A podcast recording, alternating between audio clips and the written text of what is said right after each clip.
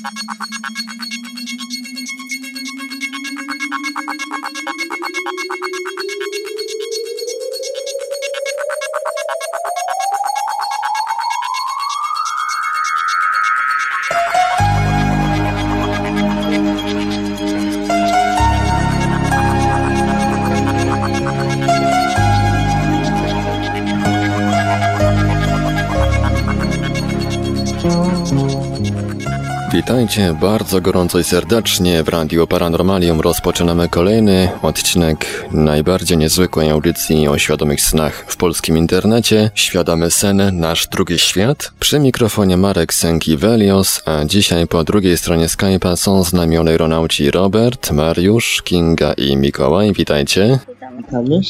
A gościem specjalnym dzisiejszego odcinka jest pan Rafał Nieradzik, znany już słuchaczom Radia Paranormalium, autor książki Poza ciałem fizycznym przebudzenie. Dobry wieczór, panie Rafale. Dobry wieczór wszystkim. A rozmowa dzisiaj będzie się toczyła wokół różnych zagadnień związanych z LD i OB. Ale zanim przejdziemy do tematu audycji, do rozmowy z naszym gościem, tradycyjnie podam już teraz kontakty do Radia Paranormalium. Można do nas dzwonić na nasz numer telefonu 32 746 0008 32 746 0008 skype radio.paranormalium.pl Można również pisać na gadu gadu pod numerem 36 08 8002 36 08 8002 Jesteśmy również na Facebooku, na kontach Radia Paranormalium i Oneironautów. Zbieramy także pytania z czata Radia Paranormalium na www.paranormalium.pl oraz z czatu towarzyszącego naszej transmisji na YouTube, bo tam również dzisiaj nas słychać. No a jeżeli ktoś woli, to może również wysyłać nam pytania drogą e-mailową na adres radiomałpa-paranormalium.pl. Widzę, że pojawił się już Mariusz na Skype'ie, więc może oddam mu prowadzenie. Mariuszu, zaczynaj. Witam serdecznie wszystkich słuchaczy. Troszeczkę tutaj dzisiaj miałem zamieszania, ale postarałem się mm, dotrzeć i połączyć na czas. Witam serdecznie e, naszego e, gościa. Cześć Rafale, witam serdecznie kolegów i koleżanki z ruchu aeronautycznego. E, porozmawiamy dzisiaj o tych dwóch zjawiskach, z którymi do czynienia ma Rafał, czyli zarówno o OB, jak i o świadomym śnieniu. Mamy również dzisiaj niespodziankę, o której mam nadzieję opowie Kinga, bo to, że Rafał jest dzisiaj z nami, to zasługa naszej koleżanki Kingi, więc będę się do niej pewnie odwoływał dzisiaj niejednokrotnie. Rafale, powiedz tak. nam, skąd takie zainteresowanie, czyli OB i LD, które pojawiło się u Ciebie? Hmm. E, to jest dosyć długa historia, bo to właściwie łączy się z takimi poszukiwaniami ogólnie jakiegoś e, głębszego celu istnienia, e, który pojawił się, wiadomo, już w, w okresie dosyć wczesnym, bo nie mówię tutaj o dzieciństwie może, bo tam każdy gdzieś tam mniej więcej zadaje jakieś ciekawe pytania, ale mówię tutaj o, o już takich czasach, powiedzmy, kiedy miało się te 17-20 lat i po prostu człowiek zadawał coraz to głębsze pytania właśnie, skąd się tu wziąłem, dlaczego właśnie tu, e, dokąd zmierzam, czy istnieje coś więcej niż tylko ten świat i tak dalej. Tak pokrótce mógłbym ewentualnie powiedzieć. No, nie będę tutaj wchodził w jakieś szczegóły, bo to już, e, że tak powiem, napisałem w książce. Wiąże się to też z różnymi poszukiwaniami, które tam mniej więcej zahaczały też o różne substancje psychoaktywne i tak dalej, ale to akurat y, powiem, że to był taki środek do może nie do, do tego ogólnego celu, tylko taki y, środek, w którym dotknąłem pewnych stanów świadomości, a potem postanowiłem osiągać te stany po prostu bez tych substancji. I tak mniej więcej doszedłem do książek Roberta Monroe, E, no i do pierwszych prób e, świadomego wyjścia poza ciało fizyczne, do OB.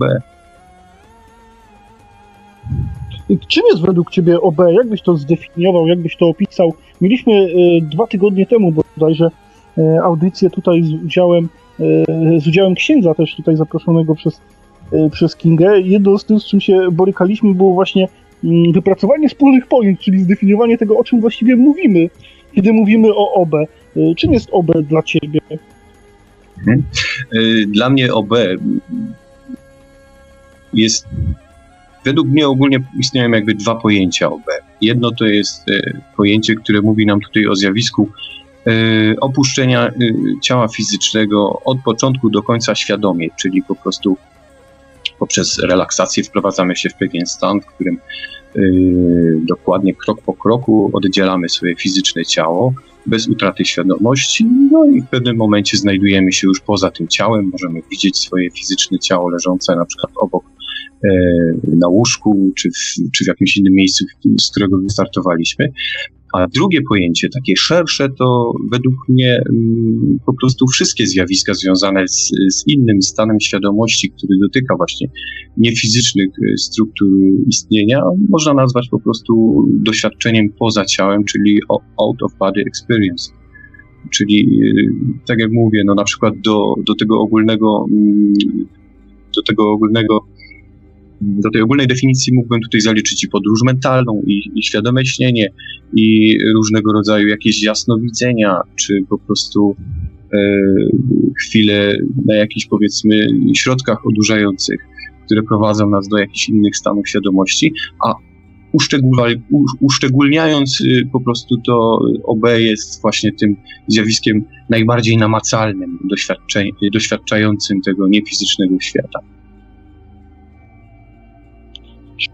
Jest jakiś sposób na to, żeby mm, móc odróżnić to obę właściwe, o którym mówimy, czyli e, te doświadczenie polegające na opuszczeniu swojego ciała e, fizycznego. Jeszcze zapytam Cię o to, co właściwie opuszcza e, ciało fizyczne. Czy jest jakiś sposób na to, żeby odróżnić to właściwe obę, o którym mówiłeś w tym sensie stricte, od tego w sensie largo, tego szerszego, o którym mówiłeś, czyli różnego rodzaju halucynacji czy świadomego śnienia? Mm, dawno temu, rok bądź nawet dwa temu, mieliśmy audycję dotyczącą właśnie LD.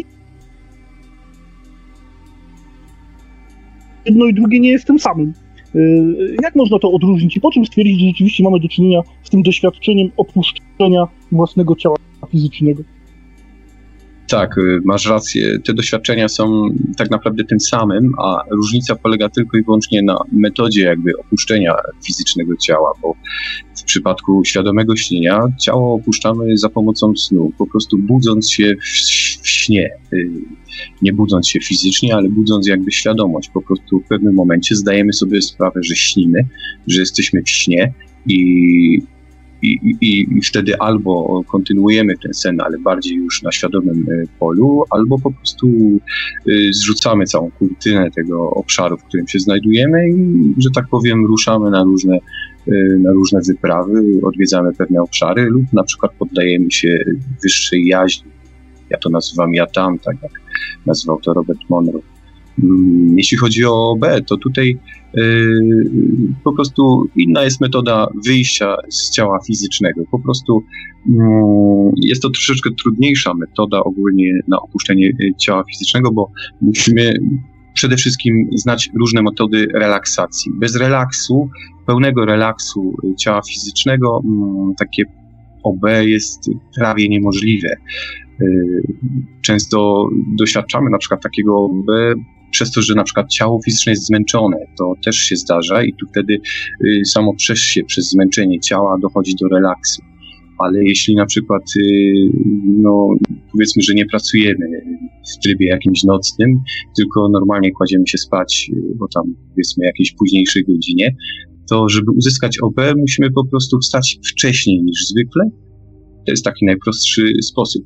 Mm, wstać wcześniej niż zwykle, na ogół 4-5 godzin snu, godzina przebudzenia, w której możemy na przykład dać sobie jakiś e, trunek energetyczny, na przykład kawa albo yerba, e, po czym kładziemy się z powrotem do łóżka, relaksujemy ciało za pomocą różnych technik relaksujących, na przykład każda część ciała osobno staramy się jakby wyłączać, y, staramy się uśpić, y, przy tym cały czas podtrzymując świadomość, to znaczy nie możemy zasnąć.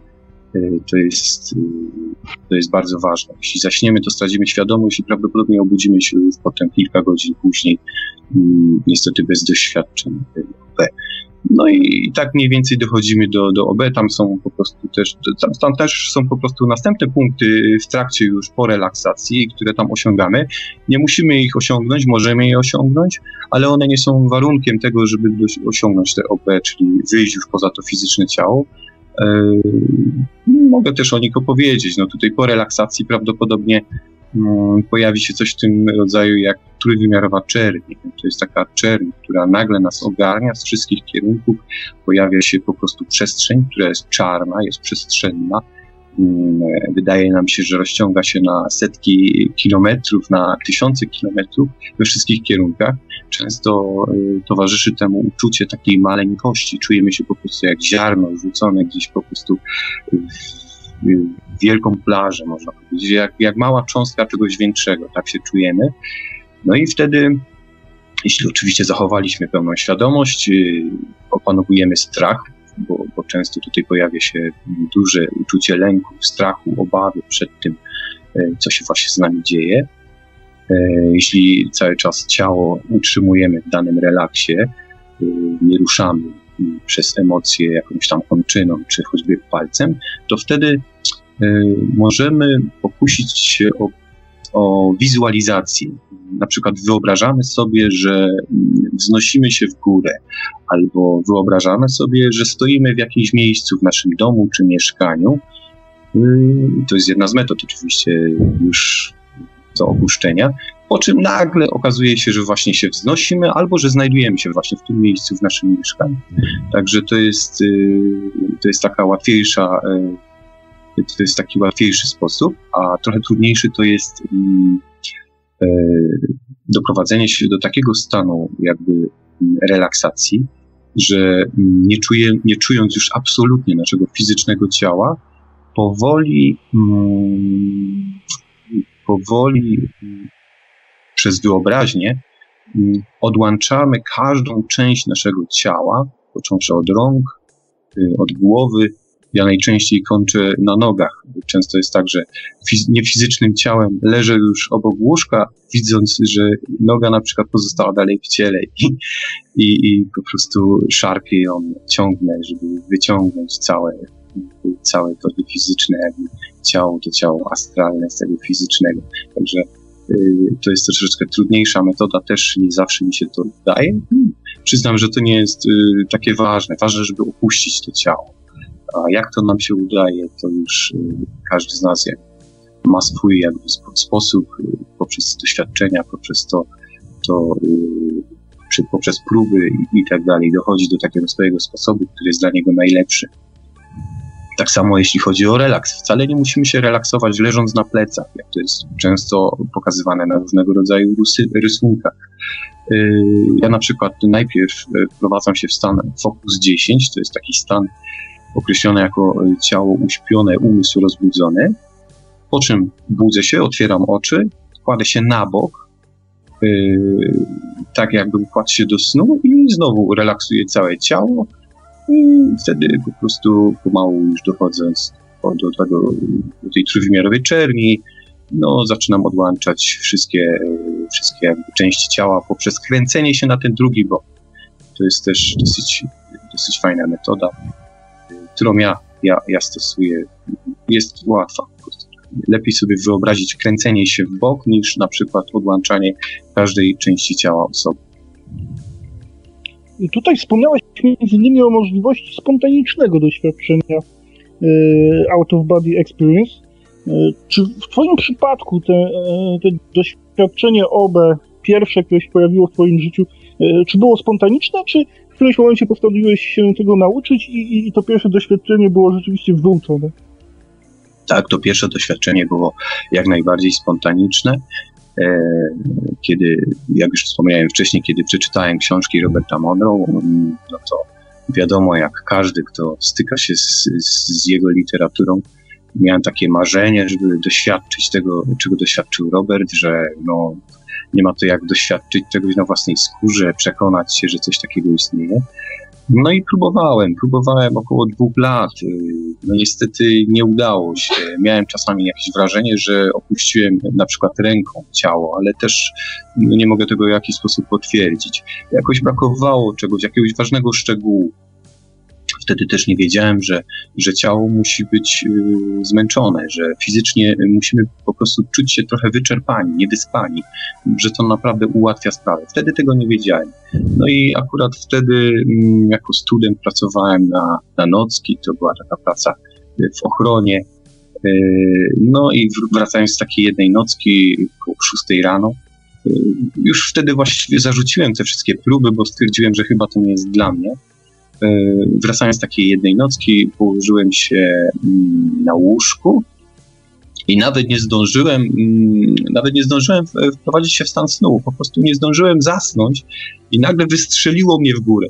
Wystrzeliło mnie w górę po prostu z prędkością no, no bardzo dużą, może nie powiem, że to była prędkość światła, ale na pewno było to prędkość, y, jaką osiągają samoloty odrzutowe. Y, wznosiłem się bardzo szybko, coraz wyżej. Y, no, był to dla mnie szok. Y, w pewnym momencie zorientowałem się, że chyba doświadczyłem właśnie tego, o co tak bardzo prosiłem i, i czego chciałem. Widziałem tylko, jak za mną e, ziemia staje się coraz mniejsza, jak krajobraz po prostu niknie. W pewnym momencie znalazłem się w kosmosie. E, no, cały czas, cały czas prędkość nie malała. Przekraczałem coraz to nowe jakby progi y, barier kosmicznych, mijając po drodze Księżyc, y, planety Układu Słonecznego, y, w pewnym momencie mm, pojawił się strach. Ten strach pojawił się mniej więcej na wysokości Saturna. Pomyślałem sobie wtedy, że że przede mną jest czerń, nie wiem co jest przede mną, czy wrócę, że to, że, że tak naprawdę doświadczam czegoś, czego jeszcze nie doświadczyłem i nie wiem czego się spodziewać. Po prostu pojawił się pojawił się tak silny lęk, że mm, po prostu zacząłem prosić, błagać o to, żeby wrócić. E, wtedy okazało się, że jest ktoś ze mną. E, pojawiła się taka twarz, która jak się, jak potem poczułem, była cały czas ze mną, ciągnęła mnie tak naprawdę, to ona sprawiała, że byliśmy w takim, w takim promieniała takim właśnie E, taką mm, błogością. E, przekazała mi nie za pomocą słów, ale jakby mm, za pomocą takiego zrozumienia, które pojawiło się we mnie, żebym się nie martwił, żebym się nie przejmował, że wszystko jest w porządku i że zaraz y, wrócimy z powrotem. Po tym y, wydarzeniu, po tym doświadczeniu z twarzą, zacząłem cofać się, wracać z powrotem w kierunku Ziemi, przechodząc przez atmosferę, widziałem znów zbliżające się e, już zabudowania, lasy, drogi. E, okazało się, że jestem nad jakąś wodą. No, wtedy też pojawił się następny strach, bo nie umiem pływać, więc pomyślałem, że, że kontakt z wodą nie jest najlepszy, tym bardziej, że był to dosyć duży areał morski być może ocean. Trudno powiedzieć, bo widziałem jakieś żaglówki, e, statki, ludzi na plaży. No i, i wtedy prawie, że zetknąwszy się z wodą, mm, e, nagle przypomniało mi się, że przecież Monroe miał taki e, sposób na, na powrót do ciała w momentach, kiedy wydawało się to niemożliwe, a mianowicie mm, poruszenie małym palcem czy dużym palcem u, u nogi, w, w, stopie. No, zrobiłem to i okazało się, że nagle ocknąłem się w łóżku w fizycznym ciele. Także takie było moje pierwsze doświadczenie i no, od tamtego czasu już wiedziałem, że, że chcę tego doświadczać. Y, ja tutaj będę drążył jeszcze tą różnicę między LD a OB, bo dla mnie te kwestie definicyjne są dość ważne. Y, mówiłeś o różnicy między LD a OB w tym sensie, że różnica polega na wprowadzaniu się w stan, na to, y, w jaki sposób doprowadzamy do tego odmiennego stanu świadomości. Y, natomiast ja chciałbym zapytać o to, czy nie ma jakiejś różnicy jakościowej między LD a OB? Czy na przykład przedkładasz jedno na drugie, uważasz, że któraś z tych, e, z tych któryś z tych odmiennych stanów świadomości jest lepszy, bardziej cenny? Hmm. Z, z, teraz, z tego punktu y, widzenia, w jakim teraz się znajduję, po tych wszystkich doświadczeniach, mogę powiedzieć z pełną świadomością i, i z pewnością, że jednym z lepszych doświadczeń poza ciałem, bo mm, przynoszący najwięcej informacji i informacji, które można w łatwy sposób zarejestrować, zapisać, to jest podróż mentalna. Mm, jeśli chodzi o OB i, LD, to są bardzo y, fajne doświadczenia, ponieważ one nam dają taki dowód, y, pewność tego, że rzeczywiście istniejemy po tej fizycznej śmierci, po, że jest coś więcej poza tym fizycznym ciałem, że kiedy się tego doświadczy, to po prostu traci się y, wątpliwości.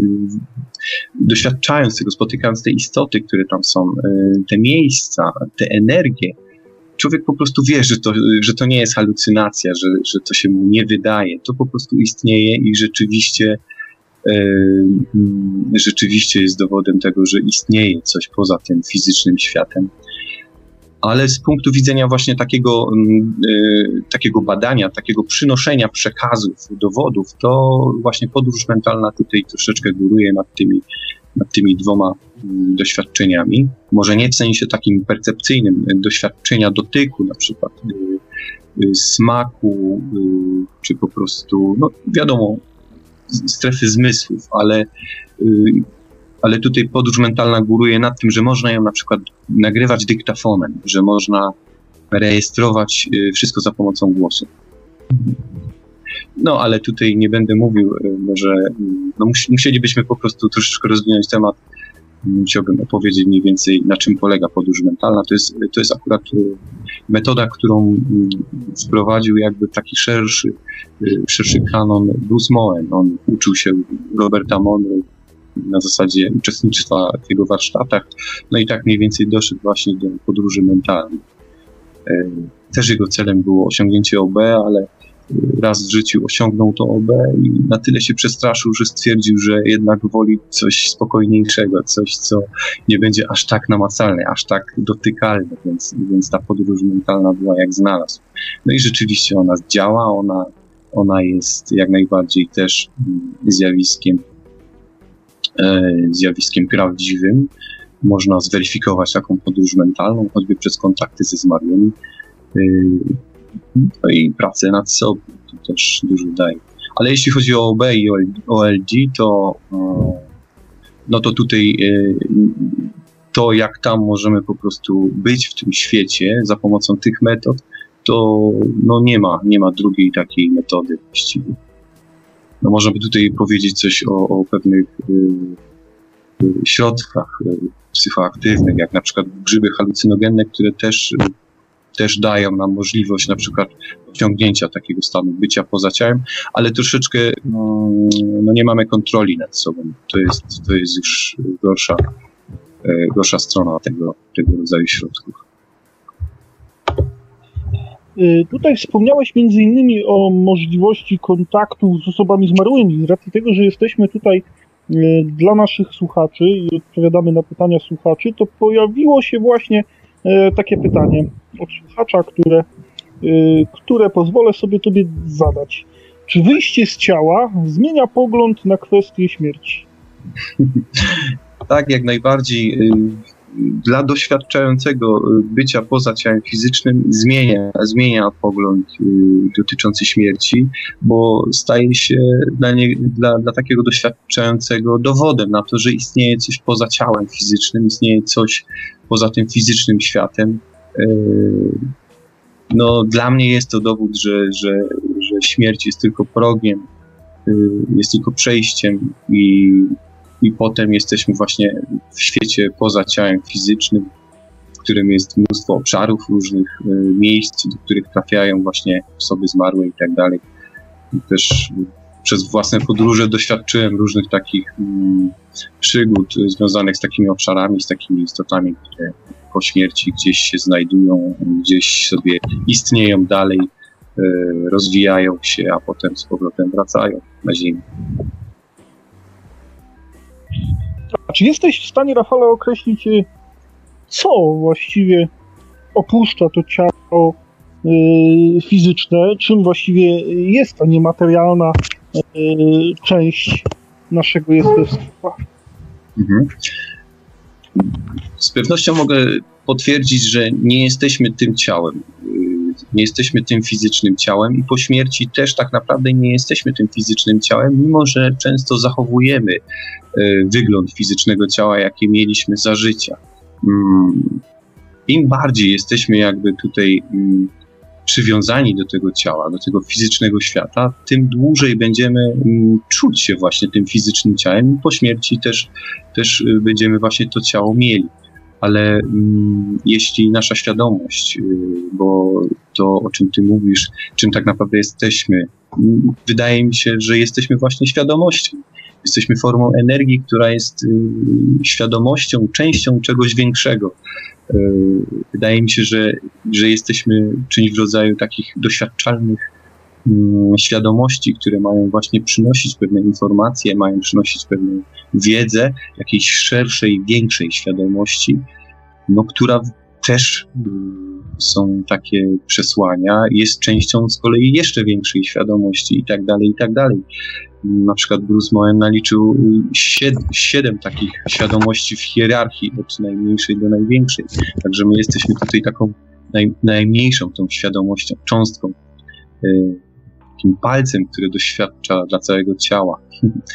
Ale jeśli chodzi o o to, czym, jak wygląda nasze, nasze to, to, to eteryczne na przykład ciało, gdybyśmy powiedzieć, ta nasza świadomość. No to tutaj jest to y, naprawdę, możemy być mgiełką, możemy być kulą energii, możemy być niczym, możemy być niewidzialni, po prostu będziemy świadomością, która jest y, duża, mała, jest różna po prostu, w zależności, trudno mi tutaj stwierdzić, czy na przykład bagaż doświadczeń, y, ta wiedza, którą wyciągamy z takiego życia na Ziemi, powoduje, że my stajemy się jakąś większą e, formą energii. Trudno mi to naprawdę tutaj powiedzieć, bo mm, sam osobiście e, mm, jakoś nie zwracałem uwagi na to, jak ja wyglądam poza ciałem fizycznym. Często wyglądałem właśnie tak samo jak tutaj w fizycznym ciele.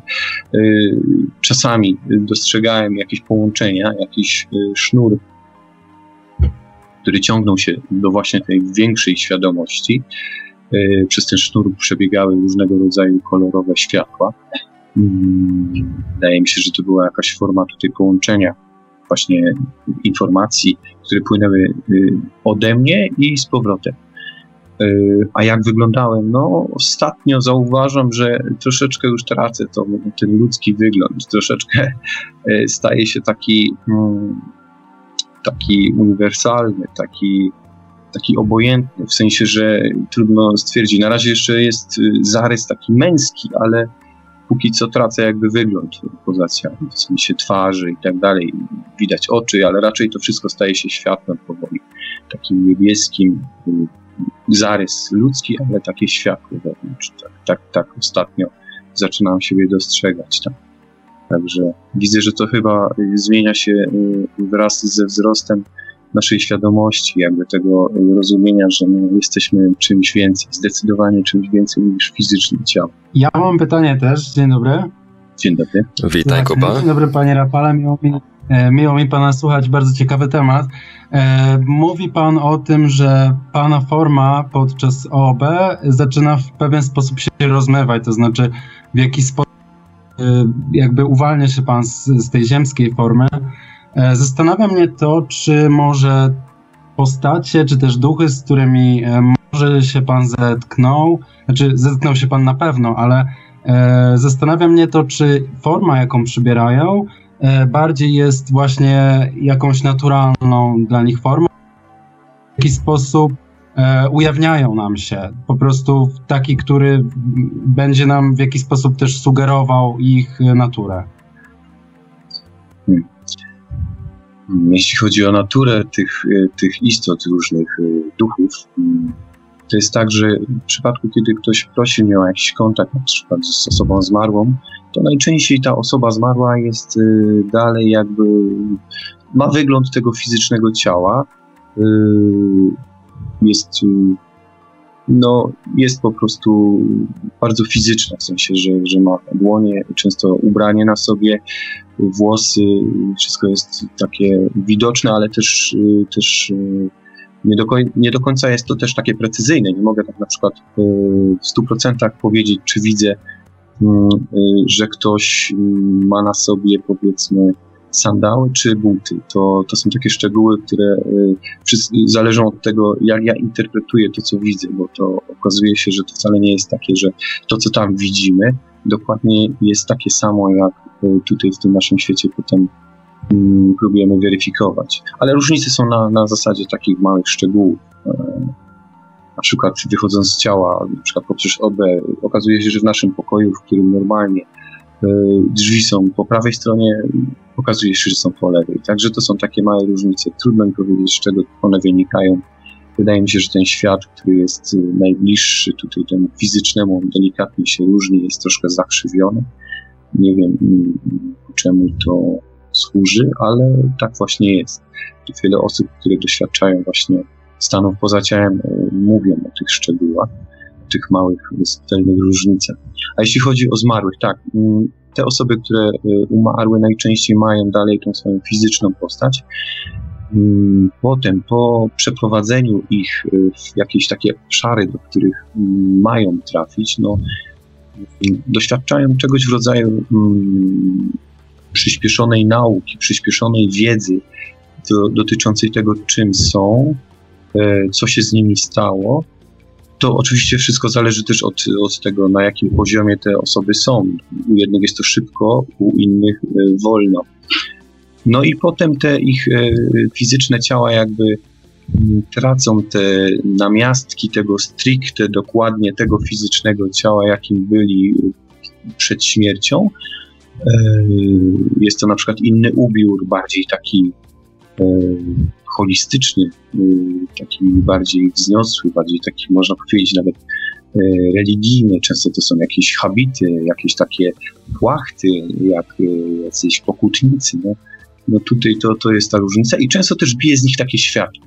Często potem bije z nich takie światło. Ale to wszystko zależy, to oczywiście nie dotyczy wszystkich, to, to, mm, to dotyczy tych, którzy akurat trafią na przykład do parku, czyli do Fokusa 27 Ci, którzy trafią troszeczkę niżej, to y, najczęściej po prostu dalej funkcjonują dalej w tym swoim w tej swojej fizycznej otoczce, swojego fizycznego ciała. Najczęściej miejsca, w których się znajdują, nie różnią się wiele od tych miejsc, które lubili za życia. Często to są takie ich niespełnione marzenia, na przykład domek na wsi albo jakaś podróż. jakieś miejsce, którego nie osiągnęli za życia, potem w tych, w tych właśnie obszarach terytoriów y, przekonań, tam y, jakby następuje takie spełnienie tych ich marzeń. I tam właśnie funkcjonują powoli, narasta ich zrozumienie, ta świadomość ich wzrasta, oczywiście z pomocą istot, które tam nad nimi mają kontrolę, jakby piecze, bardziej piecze niż kontrolę, y, po prostu opiekują się nimi ale jest to zdecydowanie wolniejszy proces niż, niż na przykład dostanie się do parku, do Fukusa 27. Mm, także tak to mniej więcej wygląda. Mhm. Ma pan na co... Zapyta... Mhm. Mhm. Słucham. Przepuszczam Kubę. Okej, okay, dziękuję. Panie Rafale, ma Pan na co dzień styczność z obszarem, no dla wielu, również myślę dla mnie, w jakiś sposób niebezpiecznym, albo przynajmniej niepokojącym. Mam na myśli e, kontakt e, ze zmarłymi, czy też z innymi e, duchami, istotami e, astralnymi. E, I z tego, co słuchałem, e, jeden z, jedno z Pana nagrań, mówił Pan, że nie wyznaje Pan żadnej, żadnej z religii.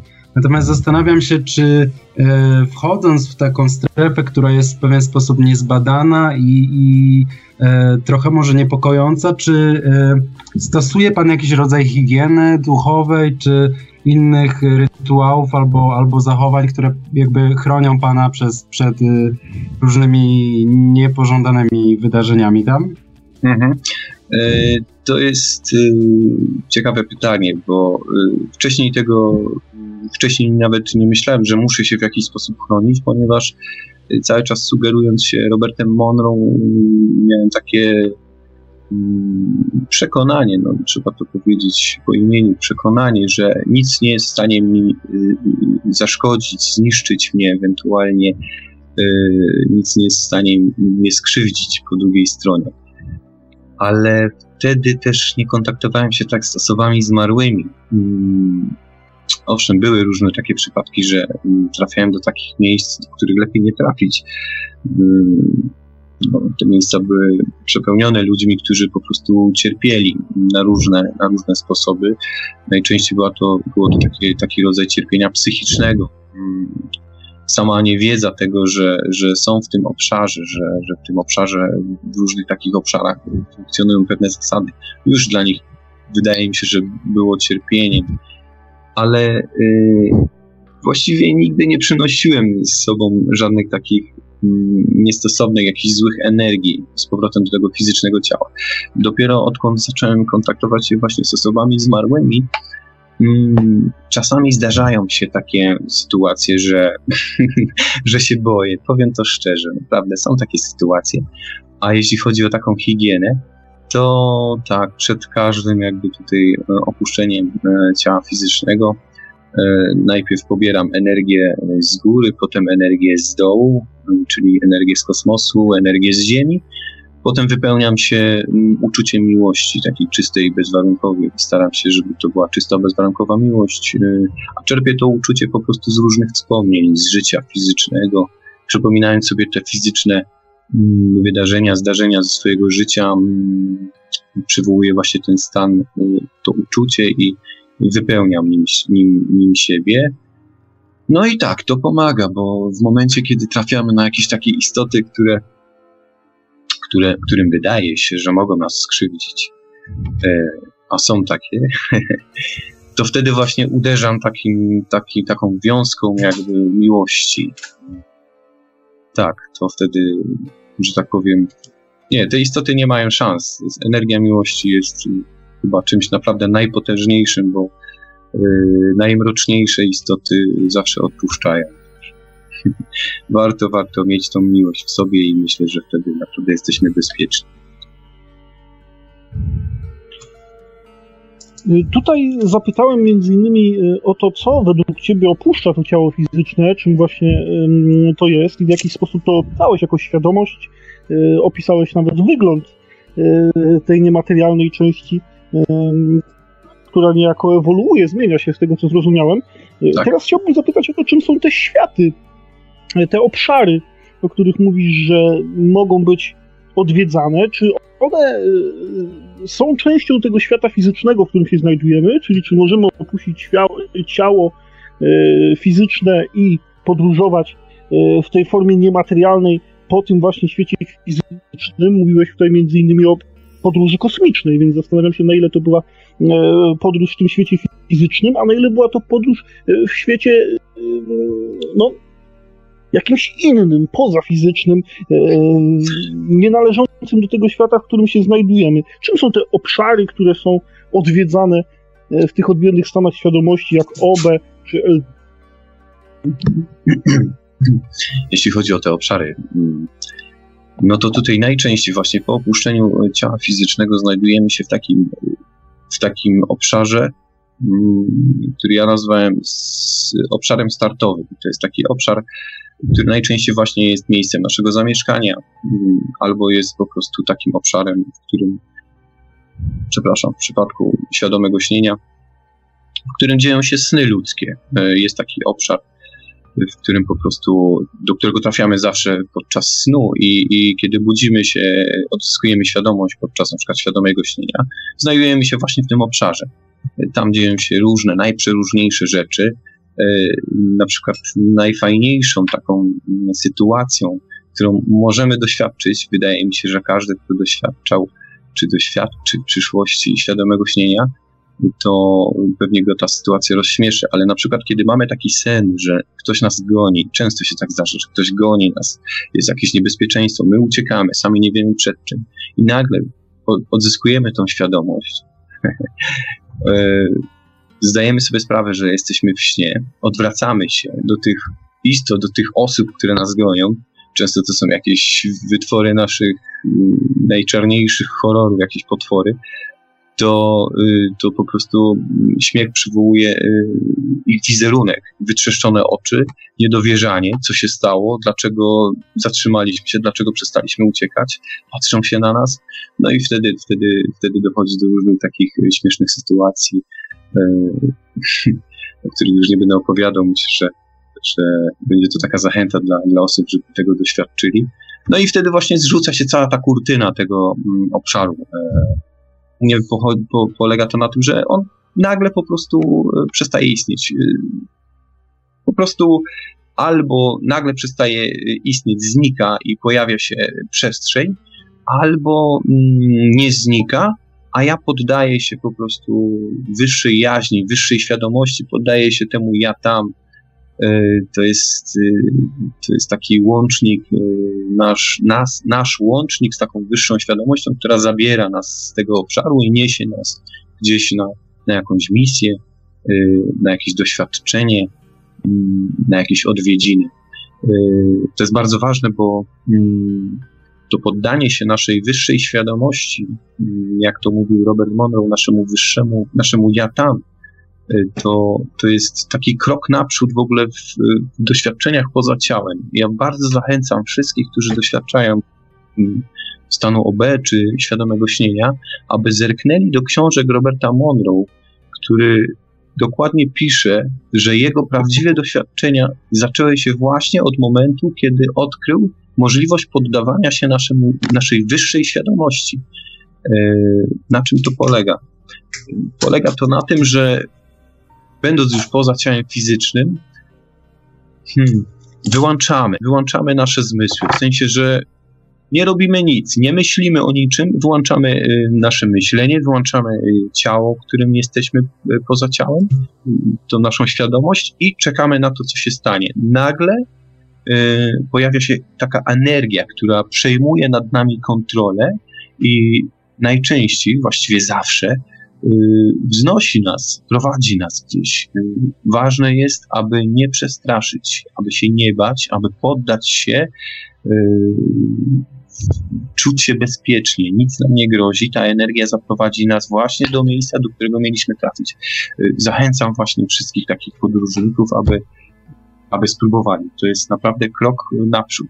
Pamiętajmy, że Robert Monroe 10 lat y, bawił się właśnie w obszarach startowych, właśnie w takich obszarach, y, w których dzieją się sny i tak naprawdę zaczął się nudzić, kiedy nagle po prostu odkrył możliwość poddawania się własnemu ja. Czerpmy właśnie y, z wiedzy tych, którzy są bardziej doświadczeni i dzięki temu nie marnujemy tak wiele czasu. Ja pozwolę sobie y, zadać Tobie, Rafale, kilka pytań, które pojawiły się od naszych słuchaczy. Y, będę się starał nikogo nie pominąć. Zacznę troszkę od końca. Nasz słuchacz Grzesiek pyta, tutaj zacytuję, Witam. Mam pytanie odnośnie LD i OB. Czy można dzięki nim spojrzeć w przyszłość? Można, można spojrzeć w przyszłość, można spojrzeć w przeszłość i tu mówię tu, y, tutaj nie tyle o naszej przyszłości y, tego fizycznego życia, ale mówię tutaj o całej wędrówce naszych wcieleń.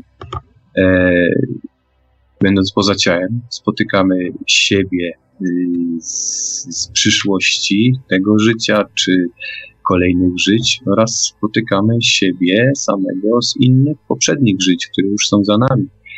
Często naszą rolą, kiedy już mniej więcej opanujemy te różne techniki, kiedy już przestajemy się tam, że tak powiem, bawić, e, naszą rolą jest pomaganie tym nam, sobom samym, którzy, y, którzy są z poprzednich żyć, y, tych, tych wcześniejszych czasach, w których żyliśmy. Te istoty ciągle tam gdzieś tkwią, często trzeba im pomóc w jakiś sposób wyciągnąć z różnych sytuacji psychicznych y, czy uczuciowych. No, pomóc na przykład w przypadkach, kiedy te istoty umierały. Często tak jest, że właśnie to my sobie samym pomagamy mm, przez regresję taką, to nie jest regresja hipnotyczna, po prostu taką regresję y, za pomocą bycia poza ciałem możemy przenieść się na przykład do y, jakiegoś wcześniejszego wcielenia, w którym w którym pomagamy sobie samym e, opuścić na przykład fizyczne ciało, albo pomagamy przejść przez, y, przez y, ten punkt śmierci, tak, żeby, żeby nie było tego strachu, nie było tego lęku. Jesteśmy często tymi właśnie istotami, które wychodzą naprzeciw śmierci. Także tutaj dochodzę do, do, do takiego ciekawego stwierdzenia, że wydaje mi się czasami, że mm, my sami sobie pomagamy my sami sobie pomagamy, że te istoty, które nam teraz pomagają na wyższym poziomie, że tak powiem, świadomości czy rozumienia, to tak naprawdę my tylko z przyszłości. Kolejne Do... pytanie, które pojawiło się od naszego słuchacza Krzysztofa, pozwolę je e, sobie tobie zadać. E, witam, nazywam się Krzysztof i mam pytanie, jak pan Rafał odnosi się do krytycznych ze strony nauki badań nad OB? Y, I tutaj został wklejony link do jednego z takich badań z 2007 roku, do artykułu, y, który opowiada o tego rodzaju badaniu, w którym y, pojawia się twierdzenie, że w przypadku OB nie opuszczamy w żaden sposób swojego ciała, ale to wszystko dzieje się tak naprawdę wewnątrz naszego umysłu. Czyli Rafale, czy znasz takie badania krytyczne w stosunku do OB? Jakie jest Twoje zdanie na ten temat? Y, badań takich nie znam, ale jeśli chodzi o mm, nurt nauki, jaką reprezentuje ówczesny świat, to, to powiem, y, że na pewno nie jest to nurt, y, który miałby ludzkość w jakiś sposób podnieść w dziedzinach świadomości, w jakichś dziedzinach duchowości. E, ten nurt na pewno nie ułatwi zrozumienia takich różnych e, właśnie doświadczeń. Wystarczy tylko wspomnieć o mm, dwóch, e, mm, dwóch definicjach, które wprowadziła mm, nauka, jak hipnagogi i na przykład paraliż senny, które są właśnie naukowym stwierdzeniem spraw, które obenauci czy osoby, które doświadczają bycia poza ciałem, doskonale wiedzą, że na przykład paraliż senny to nie jest żaden paraliż, który już y, z swojej natury to słowo paraliż y, powoduje, że człowiek czuje jakiś strach albo jakiś wstręt w ogóle do, do tego typu zjawisk. Paraliż senny to jest nic innego jak fokus 10, po prostu ciało uśpione, umysł rozbudzony. To jest stan, w którym y, ciało fizyczne jest tak zrelaksowane, że go nie czujemy. To nie jest żaden paraliż. Czujemy się, jakby to był paraliż, ale to nie jest paraliż, to jest po prostu pełna relaksacja. Nauka nie rozumie chyba pojęcia pełnej relaksacji. W jodze istnieje takie mm, zjawisko jak martwe ciało. Martwe ciało to jest taka pozycja jogi, e, totalnego rozluźnienia. Martwe ciało to właśnie jest fokus 10. To jest to jest pełna relaksacja fizycznego ciała, a nie żaden paraliż. Tak samo hipnagogi. Nauka mówi, że e, hipnagogi e, to mm, halucynacje, które pojawiają się w momencie, kiedy ciało wchodzi w sen, kiedy umysł e, człowieka wchodzi w stan snu. No, aha, i wszystko, co dzieje się w trakcie hipnagogów, jest oczywiście wytworem ludzkiej wyobraźni, co też y, nie zgadza się y, z, z, z, faktem osób, które doświadczają stanu OB, bo hipnagogi, no nie wiem, czy jest jakieś inne określenie na, na, na te pierwsze obrazy, które mniej więcej się pojawiają w momencie, kiedy w, wkraczamy właśnie w stan w stan OB.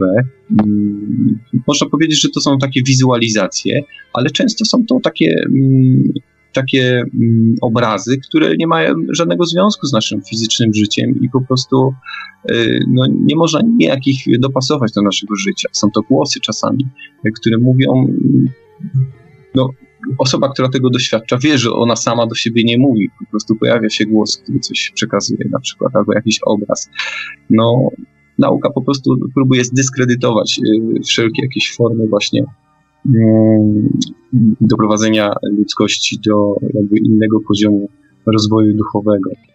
Wiadomo, że wiadomo też, że, że fizyka w tej chwili powoli dochodzi do, do, do tych odkryć, które już, już osobom, które doświadczają właśnie bycia poza ciałem fizycznym, mówię tutaj o doświadczających mistykach, na przykład w kulturze Indii, czy w kulturze Indian południowoamerykańskich.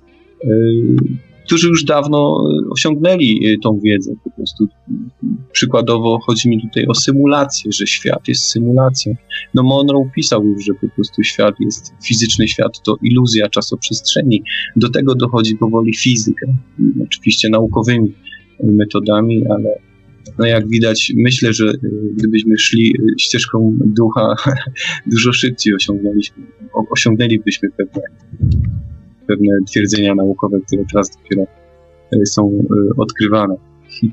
Także nie, nie zgadzam się w ogóle z tą, z tą nauką, jaka teraz jest reprezentowana przez, przez, przez uniwersytety i przez ludzi nauki.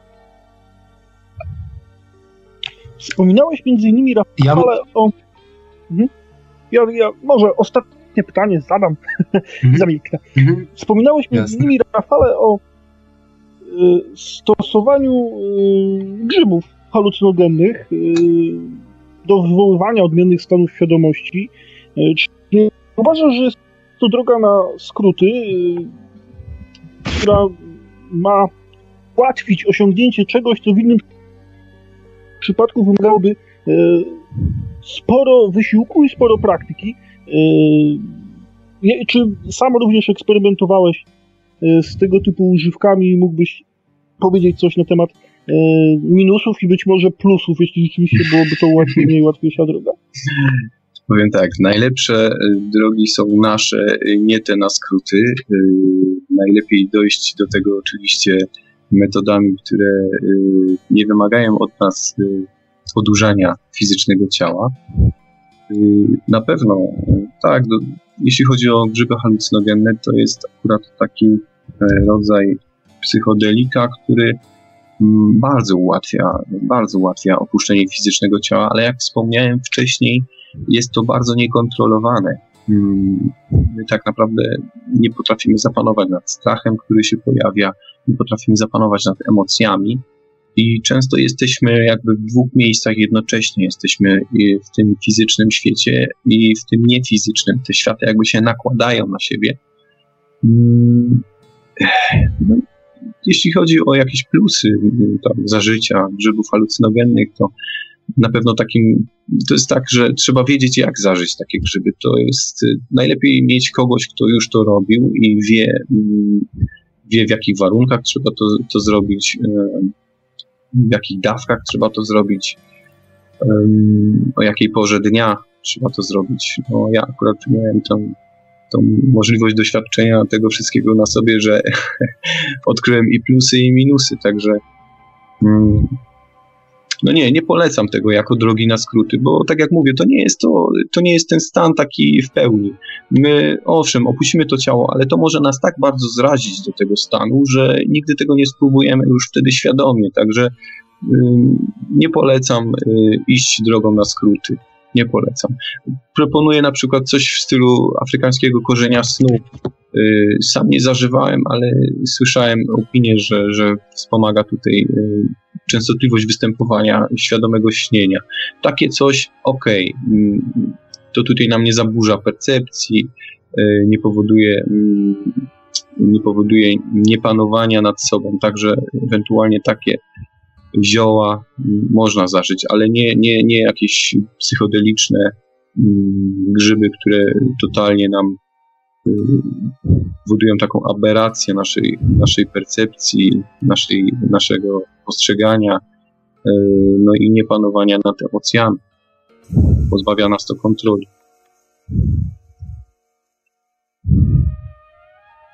Tak, ja mógłbym tutaj dopełnić troszkę wypowiedź, ponieważ e, no, mam, mam też wiedzę w e, tej kwestii. Jeżeli chodzi o stany dysocjacyjne, bo tak można nazwać e, różne stany pokrewne OB, to bardziej są to pochodne ketaminy. Z tym, że jakkolwiek są to stany odcięcia od ciała, jest to substancja używana przy znieczuleniu między innymi i można zobaczyć, no śpiączka choćby jest, jest tego typu jakby pewnego, pewnego rodzaju stanem.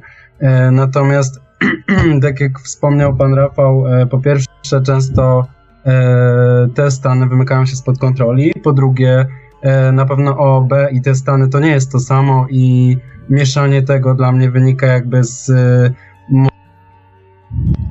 i, i raczej sądzę, że po prostu mm, no to tak jakby ktoś na przykład e, spróbował dwóch soków owocowych tylko w życiu, które by próbował. I wtedy mógłby je wrzucić do jednej kategorii, bo po prostu e, ma na tyle niewielkie zróżnicowanie w doświadczeniach, że jakby mógłby zastąpić jedno drugim. Ale e, osoba, która powiedzmy miałaby szerszy ogląd w tej materii, raczej wydaje mi się, oczywiście wiem to raczej z teorii, e, natomiast e, raczej nie są to stany zastępowalne sobą. Mm, jeżeli ktoś już chciałby się porwać na takie przygody, to tak jak wspomniał już też pan Rafał, e, warto być przygotowanym do tego psychicznie i, e, i również, e, że tak powiem, logistycznie, żeby sobie po prostu nie zrobić krzywdy. Dokładnie. Korzystając z tej chwili ciszy, przypomnę tylko naszym słuchaczom, że słuchacie Państwo kolejnego odcinka audycji Świadomy Sen Nasz Drugi Świat. Dziś naszym gościem specjalnym jest pan Rafał Nieradzik, autor książki Poza ciałem fizycznym przebudzenie. Dzisiaj dyskutujemy o różnych kwestiach związanych z LD i OB.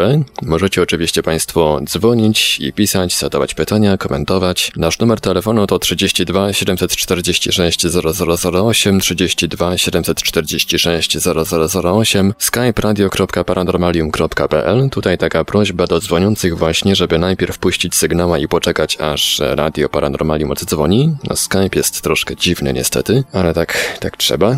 Można również pisać na gadu gadu pod numerem 36 08 80 02, 36 08 80 02. Jesteśmy także na czatach Radia Paranormalium, na www.paranormalium.pl oraz na czacie, który towarzyszy naszej transmisji na YouTube. Można również nas znaleźć na Facebooku, na kontach Radia Paranormalium i Joneironautów, a także wysyłać nam pytanie, komentarze na adres e-mail radiomałpa-paranormalium.pl. Oddaję mikrofon Mariuszowi. Yy, tak, tak jak wspominałem, jesteśmy tutaj dla naszych słuchaczy i staramy się odpowiadać na ich potrzeby. Dlatego jeszcze raz dziękuję, że, yy, że, że, że, że yy, tutaj kolega poinformował, jak można się z nami skontaktować. I mamy właśnie takie e, pytanie od słuchacza. Mateusz Bober e, pyta naszego gościa, czy jest stwierdzony wpływ szyszynki na OB bądź LD? Pytam, bo po próbach jej oczyszczania, mniej więcej od roku, mam po kilka snów podczas snu, a nie śniło mi się nic latami. E, czy jest rzeczywiście związek między Szyszynką, a OB i LD. Czy coś ci na ten temat wiadomo, Rafale? Mhm. No i no, myślę, że tutaj informacje, jakie ja mam, tak jak i, i, i pan, który tutaj zadał pytanie, myślę, że, że źródło tych informacji jest to samo, czyli internet, różne portale i tak dalej dotyczące oczyszczania szyszynki, wpływu na, na świadomość, na, na trzecie oko i tak dalej. Hmm też zauważyłem, że w momencie, kiedy zacząłem bardziej dbać y, o szyszynkę, y, stany się pogłębiły, są bardziej wyraźne, bardziej y, odczuwalne i, i, jakby to tutaj, no percepcja po prostu lepiej działa. Tam, poza, poza i, i, i też tu, w tym fizycznym świecie człowiek czuje się troszeczkę inaczej, jest bardziej odporny na te wszystkie wstrząsy emocjonalne, które gdzieś pomiędzy tym wszystkim się dzieją tym naszym fizycznym życiu. Także warto. Myślę, że no, naukowo chyba jeszcze nikt tego nie potwierdził, ale wiele osób y, mówi, że rzeczywiście wpływ na oczyszczenie y, te, tego oczyszczenia jest na, na stany świadomości. Y, mówisz tutaj o tym, że zacząłeś dbać o szyszynkę i powiem szczerze, że zainteresowałem się, w jaki sposób można zadbać o swoją szyszynkę? No, tak jak było wspomniane, no, oczyszczać szyszynkę, czyli e, na przykład nie stosuję pasty z fluorem. E, druga sprawa, codziennie wypijam mm, tak zwany napój bogów, czyli e, z indiański napój zawierający kakao, e, cynamon i to tam jeszcze dodaję, a to już do smaku, więc to nie jest aż takie ważne. Teraz sobie nie przypomnę, ale najważniejsze jest tutaj kakao, no, czyszczą właśnie od wapnia szyszynkę, y, wspomaga naszą wyobraźnię, y, co, co, co tak naprawdę wyobraźnia jest na przykład y, bardzo, jest niezbędna właściwie w, w postrzeganiu y, podróżach y, w podróżach niefizycznych, także to, to, to naprawdę ma wielki wpływ na to, jak wiele informacji się zdobywa, jak wiele się przynosi i no, warto po prostu oczyszczać szyszynkę. To są dwa sposoby, które stosuję, nic więcej i, i naprawdę są skuteczne. Także polecam. Rozmawiamy tutaj y, o OB, rozmawiamy o LD. Przekazałeś nam wiele, myślę, przydatnych informacji, y, również na temat tego, czym według Ciebie są te zjawiska. Pytanie, które chciałbym Ci zadać od siebie i które zawsze zadaję w tego typu audycjach, rozmawiając z naszymi zaproszonymi gośćmi, to po co? Po co tak naprawdę uczyć się tego, po co odbywać podróże mentalne, po co uczyć się doświadczenia OB czy LD. Mhm. Po co? To jest właśnie co? to pytanie, To jest tak, że w rozwoju duchowym, takim rozwoju duchowym, bo no nie ukrywajmy, wszystkie stany bycia poza ciałem tak naprawdę ten ich cel nadrzędny to jest właśnie rozwój duchowy. Y, można tam, tak jak wspominałem, bawić się przez pewien okres, ale w pewnym momencie staje się to nudne i albo wtedy zarzucamy, nie robimy już tego, mówimy innym, że o, owszem, doświadczaliśmy OB, doświadczaliśmy świadomego śnienia, ale tak naprawdę to nic specjalnego. Ale jeśli e, w jakiś sposób chcemy czegoś więcej, chcemy poznać, jak ten świat tam jest zbudowany, albo odkrywać, doświadczać pewnych stanów, pewnych e, form energii, które tam się znajdują, to wtedy właśnie zaczynamy wpływać jakby na siebie, bo chcąc nie chcąc kontaktujemy się powoli z istotami na wyższym rozwoju e, świadomości, które tam e, uczestniczą w tym, w tym życiu, w tym świecie niefizycznym w tej niefizycznej strefie systemu życia ziemskiego, jakbym to powiedział, które chcąc, nie chcąc przekazują nam pewne informacje, przekazują nam pewne energie, które wpływają na, na to, jak my postrzegamy potem w, w tym fizycznym życiu świat, ludzi, nasze otoczenie, siebie samych. Także no, chcąc, nie chcąc, podróże poza ciałem zmieniają nas samych w jakiś sposób stajemy się bardziej empatyczni, mniej zestresowani tym wszystkim, co jest dookoła. Nie jesteśmy tacy natarczywi, jeśli chodzi o materializm. Myślę, że tutaj powoli zdajemy sobie sprawę z tego, że to nie jest tak ważne po prostu w naszym życiu, byciu tu po prostu jako ludzie, to ta pogoń i tak dalej. Więc i właśnie to jest to, po co to robimy chyba. Mm, początkowo jest ciekawość. Ciekawość doświadczenia czegoś, y, czegoś nienaturalnego, czegoś wykraczającego poza ten fizyczny świat. A potem ta ciekawość prowadzi nas właśnie do, do pracy nad, nad samorozwojem.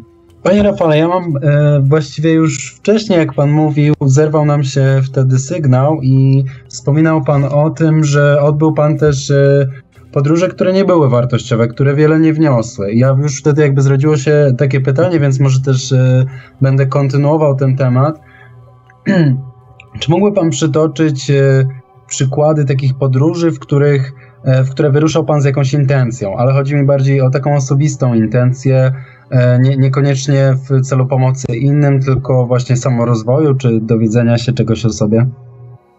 Y, odkąd, y, odkąd y, zetknąłem się właśnie z literaturą Roberta Monroe, moim takim celem stało się doświadczenie kontaktu z, właśnie z, tą, z kimś na wyższym poziomie świadomości, z tym inspekiem, o których oni tam mówią.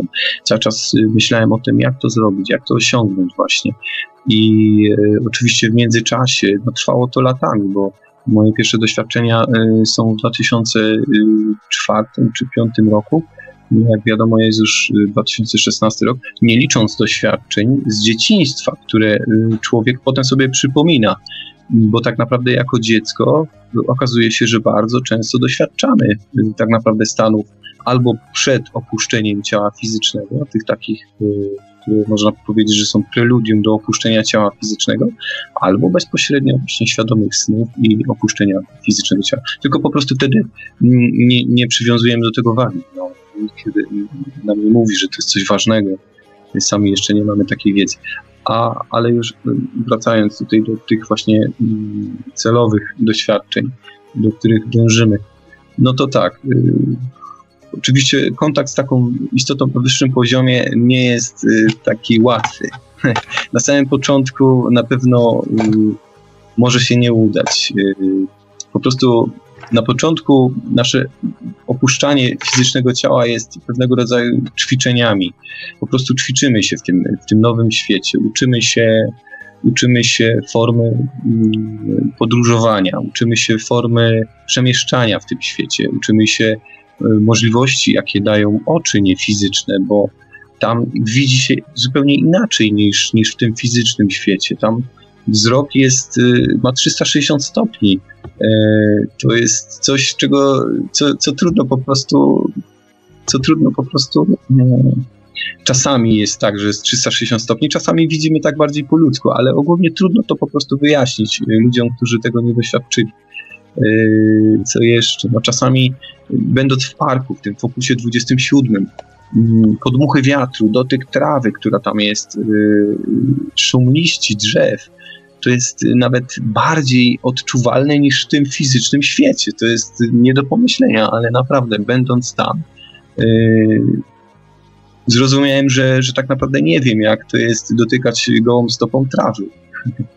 Także, no, jeśli chodzi o właśnie to, to uczenie się tego niefizycznego świata, to właśnie są te podróże, które są może mniej ciekawe dla kogoś yy, zainteresowanego słuchaniem o takich podróżach, ale dla nas osobiście są bardzo ważne, bo one nas prowadzą po prostu do y, coraz to dalszych obszarów, coraz to mm, y, ciekawszych podróży, które mm, już mają jakieś przesłanie, które nam opowiadają o sobie samym, mówią nam o naszym celu w tym fizycznym świecie, opowiadają o pewnych wydarzeniach, albo z, naszego życia, albo z całej ludzkości, które nastąpią na przykład. Y, no, jest tu bardzo duży wachlarz, że tak powiem, możliwości, także tak jak mówię, na początku naszych podróży, kiedy zaczynamy opuszczać fizyczne ciało, może y, być trudno osiągnąć na przykład pułap, y, nie wiem, y, opuszczenia strefy życia ziemskiego i udania się na przykład w okolice szczeliny, o której wspominał na przykład Bruce Moen. Także tak, trzeba po prostu najpierw takich małych doświadczeń, małych kroków, które uczą nas, jak robić te większe kroki. A jeśli chodzi o takie podróże, mm, nie chciałbym zdradzać tutaj też pewnych y, szczegółów, bo przyznam, że jest to materiał do następnej książki, ale na przykład y, zdarzyło mi się, bo już nie mówiąc o, o samym doświadczeniu w końcu dojściu do tego, do tej istoty, którą mógłbym powiedzieć, że była inspekiem, bo to był ten cel, który osiągnąłem. I, i to było coś niezrównowanego, niez, niezrównanego, po prostu no, niesamowita sprawa być obok istoty, która przenika nas swoją mądrością, swoją świadomością tak bardzo, że, y, że jednocześnie czujemy się bezpieczni i wiemy, że nic nam nie grozi, ale z drugiej strony wiemy, że, że jesteśmy jeszcze tacy malutcy. Także. Hmm. A jeśli chodzi o takie inne podróże, no to na przykład ostatnio y, podróż y, do Ziemi z 2146 roku. Już teraz nie pamiętam, bo dokładnie y, przyznam, że, że, że, że nagranie na, na dyktafonie jeszcze nie zostało odsłuchane, ale chyba jest to XXI wiek. 22 albo początek 23. No to to już jest zupełnie inna ziemia niż, niż ta, którą mamy teraz. Inna y, z perspektywy ludzkości. Y i są już tam też istoty, które no, nie są ludźmi, także to jest bardzo ciekawa rzecz. no. Co jeszcze? Na przykład podróż do, na inne planety, na których jest też fizyczne życie, też takie coś y, się zdarzało. Y, Została tutaj wspomniana też idea in, intencji. To jest bardzo ważna sprawa, bo wychodząc z ciała, na przykład poprzez OB czy tam świadomy sen i nie mając wcześniej jakiegoś określonego celu, zadania, tak naprawdę nasza podróż mm, albo szybko się kończy, albo nie przynosi jakichś ciekawych rezultatów. Y, zastosowanie intencji jest też takim dużym krokiem w, jakby w tych doświadczeniach pozacielesnych, ale trzeba ją też prawidłowo mm, wyrażać. Ja na przykład intencje, na przykład tego, co będę robił po, poza ciałem, staram się wyrażać już na kilka dni przed opuszczeniem ciała. Mm, polega to na tym, że mówię sobie, że kiedy opuszczę fizyczne ciało, to zrobię to i to. I jeszcze przed samym położeniem się, mm, przystąpieniem do na przykład stanu OB, jeszcze raz sobie to powtarzam. I proszę też przy tym istoty, aby mi w tym pomogły i najczęściej, powiedzmy, że w 90% przypadkach intencja jest realizowana. Także wydaje mi się, że jest to bardzo ważna sprawa, jeśli chcemy rzeczywiście y, badać rzeczowo, y, jakoś systematycznie ten świat, a nie tak y, po łebkach, tak z nienacka, tak spontanicznie. Pojawiło się kolejne pytanie od naszego słuchacza, mm, tym razem odnoszące się właśnie do, do istot, które spotykamy, do postaci, które spotykamy. Pytanie od Grzegorza, pozwolę sobie zacytować. Czy przewodnik scenny jest istotą wyższą, czy to po prostu wizualizacja naszej podświadomości? Jak pan sądzi, kim są te istoty, które czasem do nas przychodzą podczas? Hmm. Tutaj y, ogólnie y, trudno tutaj odpowiedzieć na to pytanie, bo to pytanie jest bardzo złożone, bo tutaj pan, osoba, która zadała pytanie, y, wspomniała o przewodniku, ale też wspomniała o istotach, które przychodzą do nas do, y, w trakcie snu. To, jest, to są dwie różne rzeczy. To może być to, to samo, ale nie musi. Y, przewodnikiem najczęściej jest istota, która należy do, do, do tego samego ja tam, do którego my należymy. To jest istota, która służy dokładnie nam. Jest nam jakby przypisana. No, kultury różnie to nazywają. Anioł stróż, przewodnik, pomocnik, Ogólnie jest to istota, która należy, jest powiązana z nami y, świadomością. Y, często jest to na przykład ktoś, kim byliśmy, gdzieś tam taki zapisany aspekt nas samych, który nam pomaga. Y, rzadko kiedy y, autentycznie przychodzą te istoty na tym naprawdę wyższym, wy, wysokim poziomie jakby świadomości. Te istoty u mnie, w moim przypadku, pojawiają się tylko w momencie, kiedy następuje kontakt z tym dyskiem, jakby z tym, z, tą, z tym ja tam. Wtedy właśnie pojawiają się takie istoty już na, na, na wyższym poziomie. Albo często taki zwykły przewodnik prowadzi mnie do właśnie takiej istoty. Ale według mojej opinii i moich doświadczeń są to części nas samych. Są to części nas samych. Mm, często czujemy przy nich spokój, czujemy, że jesteśmy bezpieczni, nie czujemy strachu, no wydaje mi się, że mm, no, rzadko kiedy czujemy się tak pewnie po prostu przy kimś obcym, więc jest to też jakby taki dowód, że są to jakieś bliskie nam istoty, bardzo bliskie. A czy jest w związku z tym wyższa świadomość, wyższa jaźń, o której dzisiaj wspomniałeś, czy też jest y, jakiś element nas samych? Y, tak. Y, to jest. Może to się wydawać dosyć skomplikowaną sprawą jeśli chodzi o.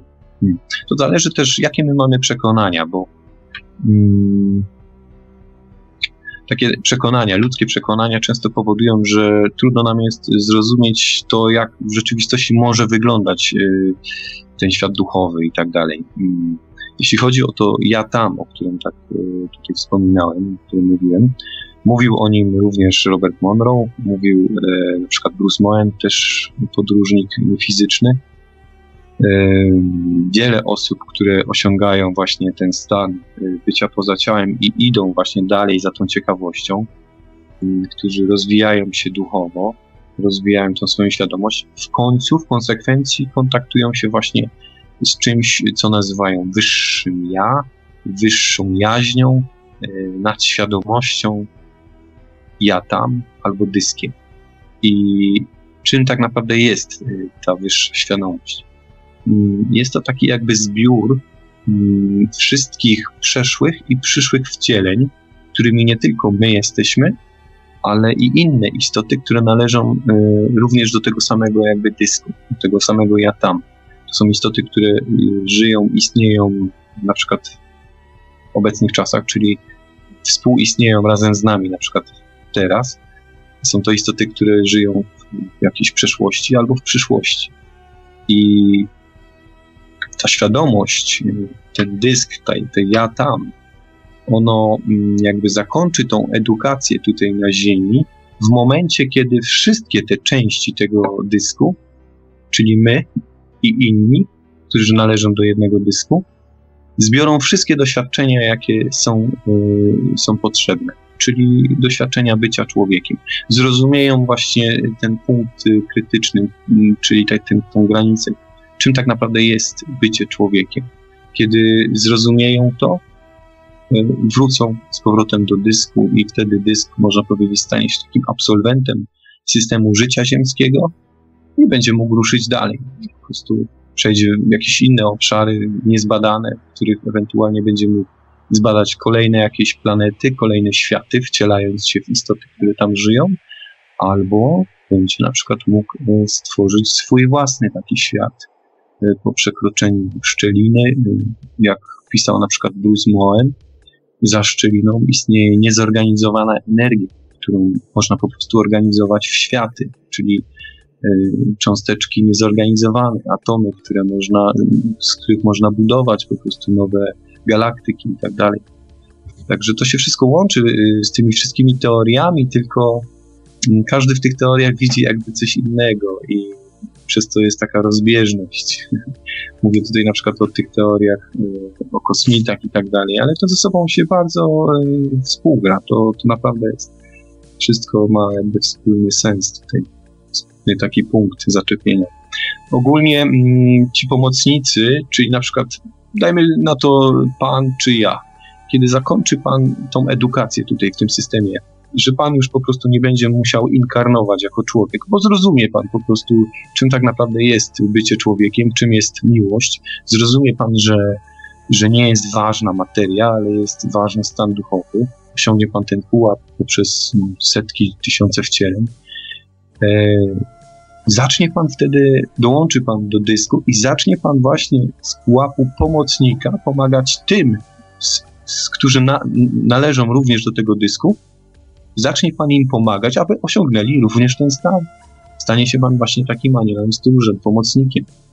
Y, no nie zapominajmy również, że y, nie tylko Ziemia jest tą szkołą, ale całe właśnie te systemy, y, systemy życia ziemskiego, które okalają Ziemię, właśnie te wszystkie terytoria, te wszystkie fokusy. W nich też są istoty, które uczą się też o tym, czym jest człowiek i zarówno możemy zbierać doświadczenia na Ziemi w fizycznej postaci, jak i w tej niefizycznej, w tych wszystkich obszarach.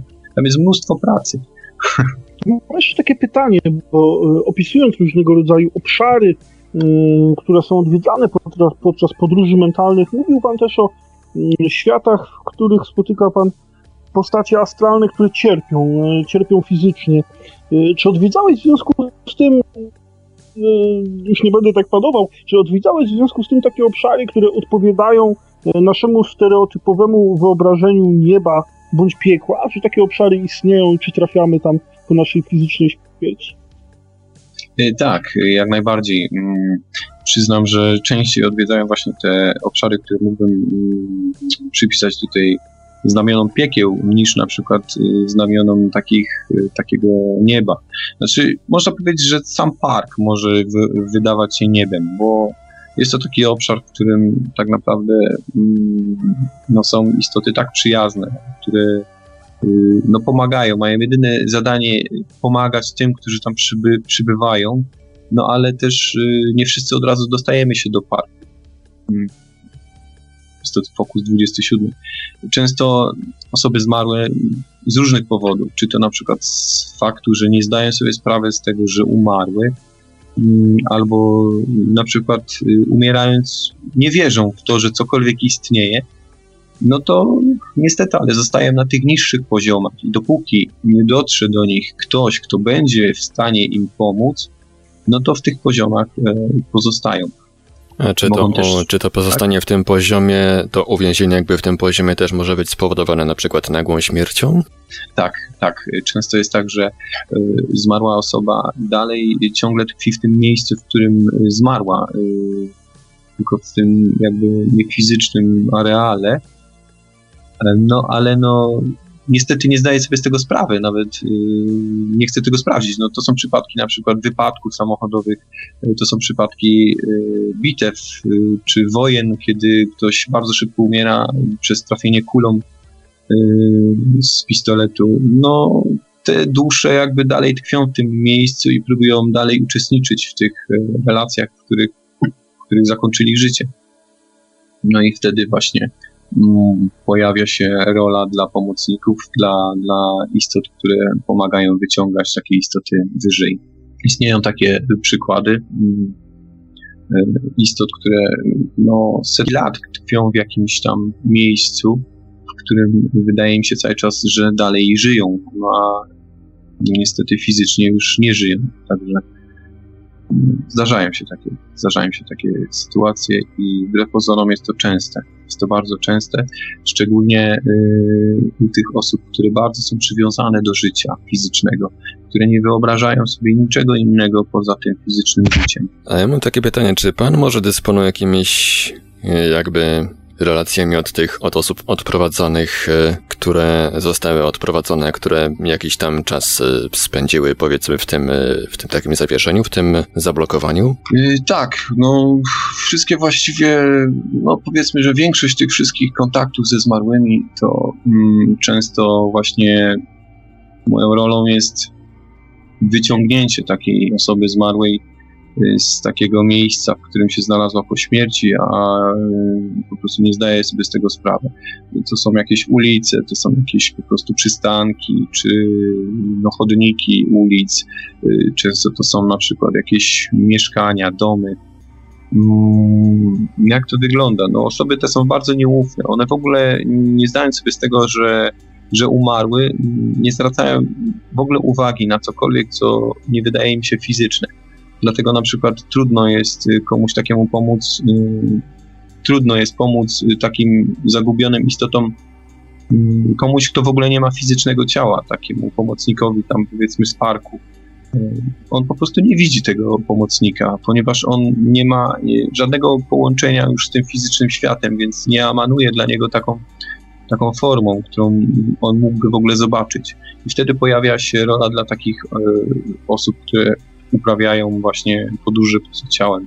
Dzięki temu, że posiadamy jeszcze te fizyczne ciała, jesteśmy bardziej namacalni, bardziej yy, widoczni dla takich zmarłych osób, które właśnie gdzieś utknęły. I no, wydaje mi się, że nasza rola jest po części właśnie w pomaganiu takim istotom. Yy, często jak na przykład, bo można na przykład yy, próbować skontaktować się z kimś, mm,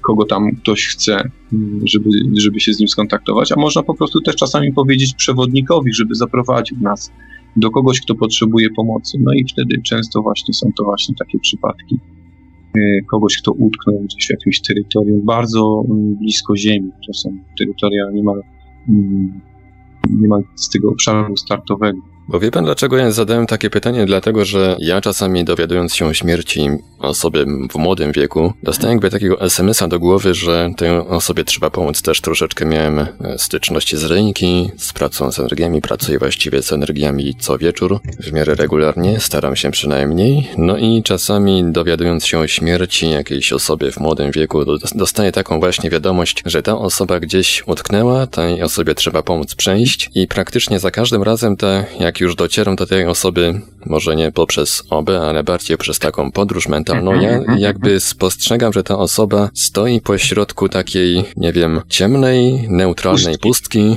ni to dobre, ni to złe, po prostu stoi i nic nie, nie, nie wie, co się dalej, co się dalej dzieje, czy się coś w ogóle stanie. I taki dosyć, e, dosyć właśnie też e, od świętej pamięci przyjaciółki, którą, którą poznałem, dostałem taki jakby opis tego miejsca, w którym ona się znajdowała i właśnie coś, to było coś takiego, nie wiesz, czy coś się w ogóle stanie, czy, czy w ogóle coś się stanie, nie wiesz, co się dzieje, nie wiesz, gdzie jesteś, po prostu jesteś e, w miejscu otoczonym taką ciemną pustką, ciem, taka ciemna przestrzeń, która ani nie jest dobra, ani nie jest zła, można powiedzieć, nie jest neutralna. I tak sobie stała w tym miejscu, dopóki ja się nie dowiedziałem o jej odejściu i, i nie zainterweniowałem. Mhm. No, widocznie właśnie to był właśnie taki cel, który gdzieś pojawił się w Pana głowie. Pamiętajmy, że nic nie dzieje się bez przyczyny. Widocznie to y, właśnie była rola Pana, żeby tego znajomego, czy tą osobę zmarłą po prostu mm, pomóc jej ruszyć dalej, y, w górę, zrozumieć, że umarła, pomóc jej odnaleźć, być tym światłem w tunelu.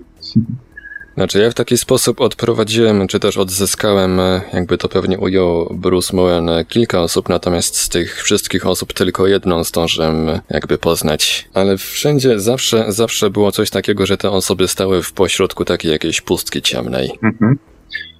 No, przyznam, że też często właśnie widzę te osoby w takiej pustce, ale często też pojawia się w tej pustce coś takiego e, fizycznego. Na przykład wczoraj przeprowadzałem taką sesję, w której mm, osoba zmarła. Widziałem ją stojącą właśnie w ciemności, totalnej ciemności, ale była jezdnia. Ta osoba stała na poboczu i próbowała przejść przez, przez tą jezdnię. Ciągle jeździły samochody. E, Widziałem tylko światła tych samochodów. No a ta osoba stała i cały czas tkwiąc nie potrafiła właśnie wejść na tą drogę, tak jakby się bała. Mm, No i chcąc, nie chcąc, bo te pomysły jakby nie pojawiają się od nas, one się nagle po prostu realizują. Nagle oka- y, okazało się, że jestem właśnie w samochodzie, jadę tą drogą i zatrzymuję się przy tej osobie y, i proponuję jej y, podwózkę, zabranie. No a jak się okazało za mną w innym samochodzie jedzie przewodnik, który trąbi, e, nie dając nawet chwili namysłu tej osobie stojącej na poboczu. Także to wszystko jakby układa się wtedy taki jakiś plan sfingowania takiego odzyskania takiej zagubionej osoby.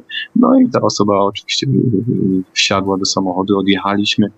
Potem e, zaczął pojawiać się obraz, e, już taki bardziej mm, kolorowy, mm, jakiś znak na drodze, który był, żeby się zatrzymać. Zatrzymaliśmy się, no a potem już, e, potem już podróż wyglądała mm, troszeczkę inaczej. Pojawiły się inne istoty, które jakby pomogły zabrać tą osobę. Chociaż cały czas musiałem ją trzymać, bo jakby to zaufanie do mnie było nieodłączne. Także dopiero w momencie, kiedy właśnie znaleźliśmy się w parku, to wtedy ta osoba e, puściła moją rękę i poszła jakby z przewodnikiem i z istotami, które się też wtedy pojawiły. Parę istot się pojawiło w parku, odeszli gdzieś. No i wtedy właśnie ta informacja, o której Pan mówi, że, mm, że, że tutaj jakaś trudność, tak? Rozumiem, że trudno jest jakieś informacje o tej osobie uzyskać. Jeśli y, jest taka mm, sytuacja, że trzeba od razu odzyskać tą osobę, to nie bójmy się, że nie uzyskaliśmy na razie żadnych informacji. Odzyskajmy tą osobę, zaprowadźmy ją do miejsca, do którego ona ma trafić, a potem e, poczekajmy, po prostu poczekajmy. Ta osoba e, nagle się pojawi z powrotem. Często zdarza się to właśnie, że w momencie jak ona już przejdzie cały ten e, cały, cały jakby ten aparat, który tam się nią zajmuje, który jej to wszystko tłumaczy, który jej pomaga, no jak wiadomo tam czas nie istnieje, także no właśnie cały czas opowiadam ten przypadek z wczoraj. No, jak przewodnik zabrał tą istotę razem z tymi innymi istotami, to po prostu minęła chwila i nagle pojawił się ten sam facet, który już był na zupełnie innym poziomie i z którym mogłem po prostu porozmawiać właśnie o jego poprzednim fizycznym życiu.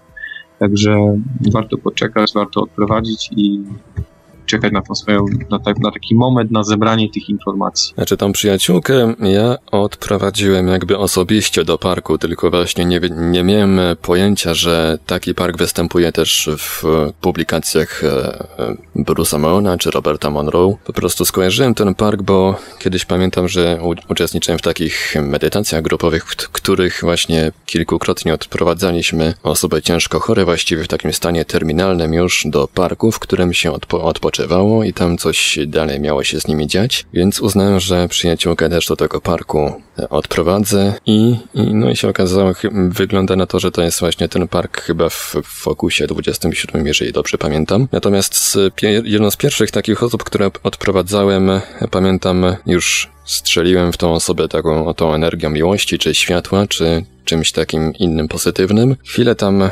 porozmawialiśmy, zapytałem tę osobę, tę dziewczynę, co jej się właściwie stało, dlaczego umarła, była raptem rok młodsza ode mnie, chyba 26 lat miała w momencie śmierci, czy by mnie była chyba w moim wieku, z tego co pamiętam. No i powiedziała coś tam, że owad ją ugryzł, pojawiła się reakcja alergiczna, co to tam jeszcze było. No i organizm oczywiście niestety nie wytrzymał. Później chodzę na Instagrama i właśnie patrzę po komentarzach, tam ktoś coś napomknął o ugryzieniu przez owada. Nie weryfikowałem dalej co, czy to była prawda, ile to miało praw w związku ze stanem faktycznym. Natomiast co mnie zainteresowało zawsze, w momencie, gdy odprowadzałem osobę, a jeszcze nie zdążyłem jej wprowadzić do parku, z tej takiej, z końca tunelu jakby wychodził taki staruszek, taki, nie wiem, przewodnik to był chyba, nie mam pojęcia. W każdym razie taki osobnik wyglądający w następujący sposób. Starszy człowiek, łysy, z długą białą brodą w błękitnych szatach. I zawsze brał tą osobę pod rękę i ją odprowadzał do tego, na koniec właśnie tego tunelu. No, ciekawa, ciekawa.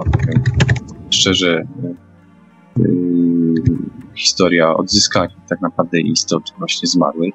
No sam pan yy, tutaj zweryfikował yy, tą jakby podróż. Okazała się rzeczywiście prawdą sam pan powiedział, że właśnie było ugryzienie przez owada. Właśnie to jest, właśnie to jest nie właśnie wiem, nie wiem, nie jestem pewien, czy nie jestem pewien, nie mam do tej pory pewności, czy to rzeczywiście była przyczyna jej śmierci, natomiast w przypadku przyjaciółki, którą poznałem, którą odprowadziłem, e, ona po, potem, potem pojawiło mi się w głowie jakby bardzo wiele rzeczy, które odnosiły się do niej, no i, w, i jeżeli udało mi się zweryfikować te informacje, to w większości, w większości te informacje rzeczywiście pokrywały się z rzeczywistością, przynajmniej na tyle, na ile udało mi się to sprawdzić, zweryfikować, niekiedy nawet przez przypadek. No tak na przykład ilość zwierząt, jakie to były zwierzęta, e, co chciała studiować i tak dalej, i tak dalej. Także, no, pokazała też okoliczności swojej śmierci. Ja nie będę ich tutaj przytaczał, żeby nie ułatwić komuś identyfikacji tej osoby, no ale 95% tych informacji zawsze się jakby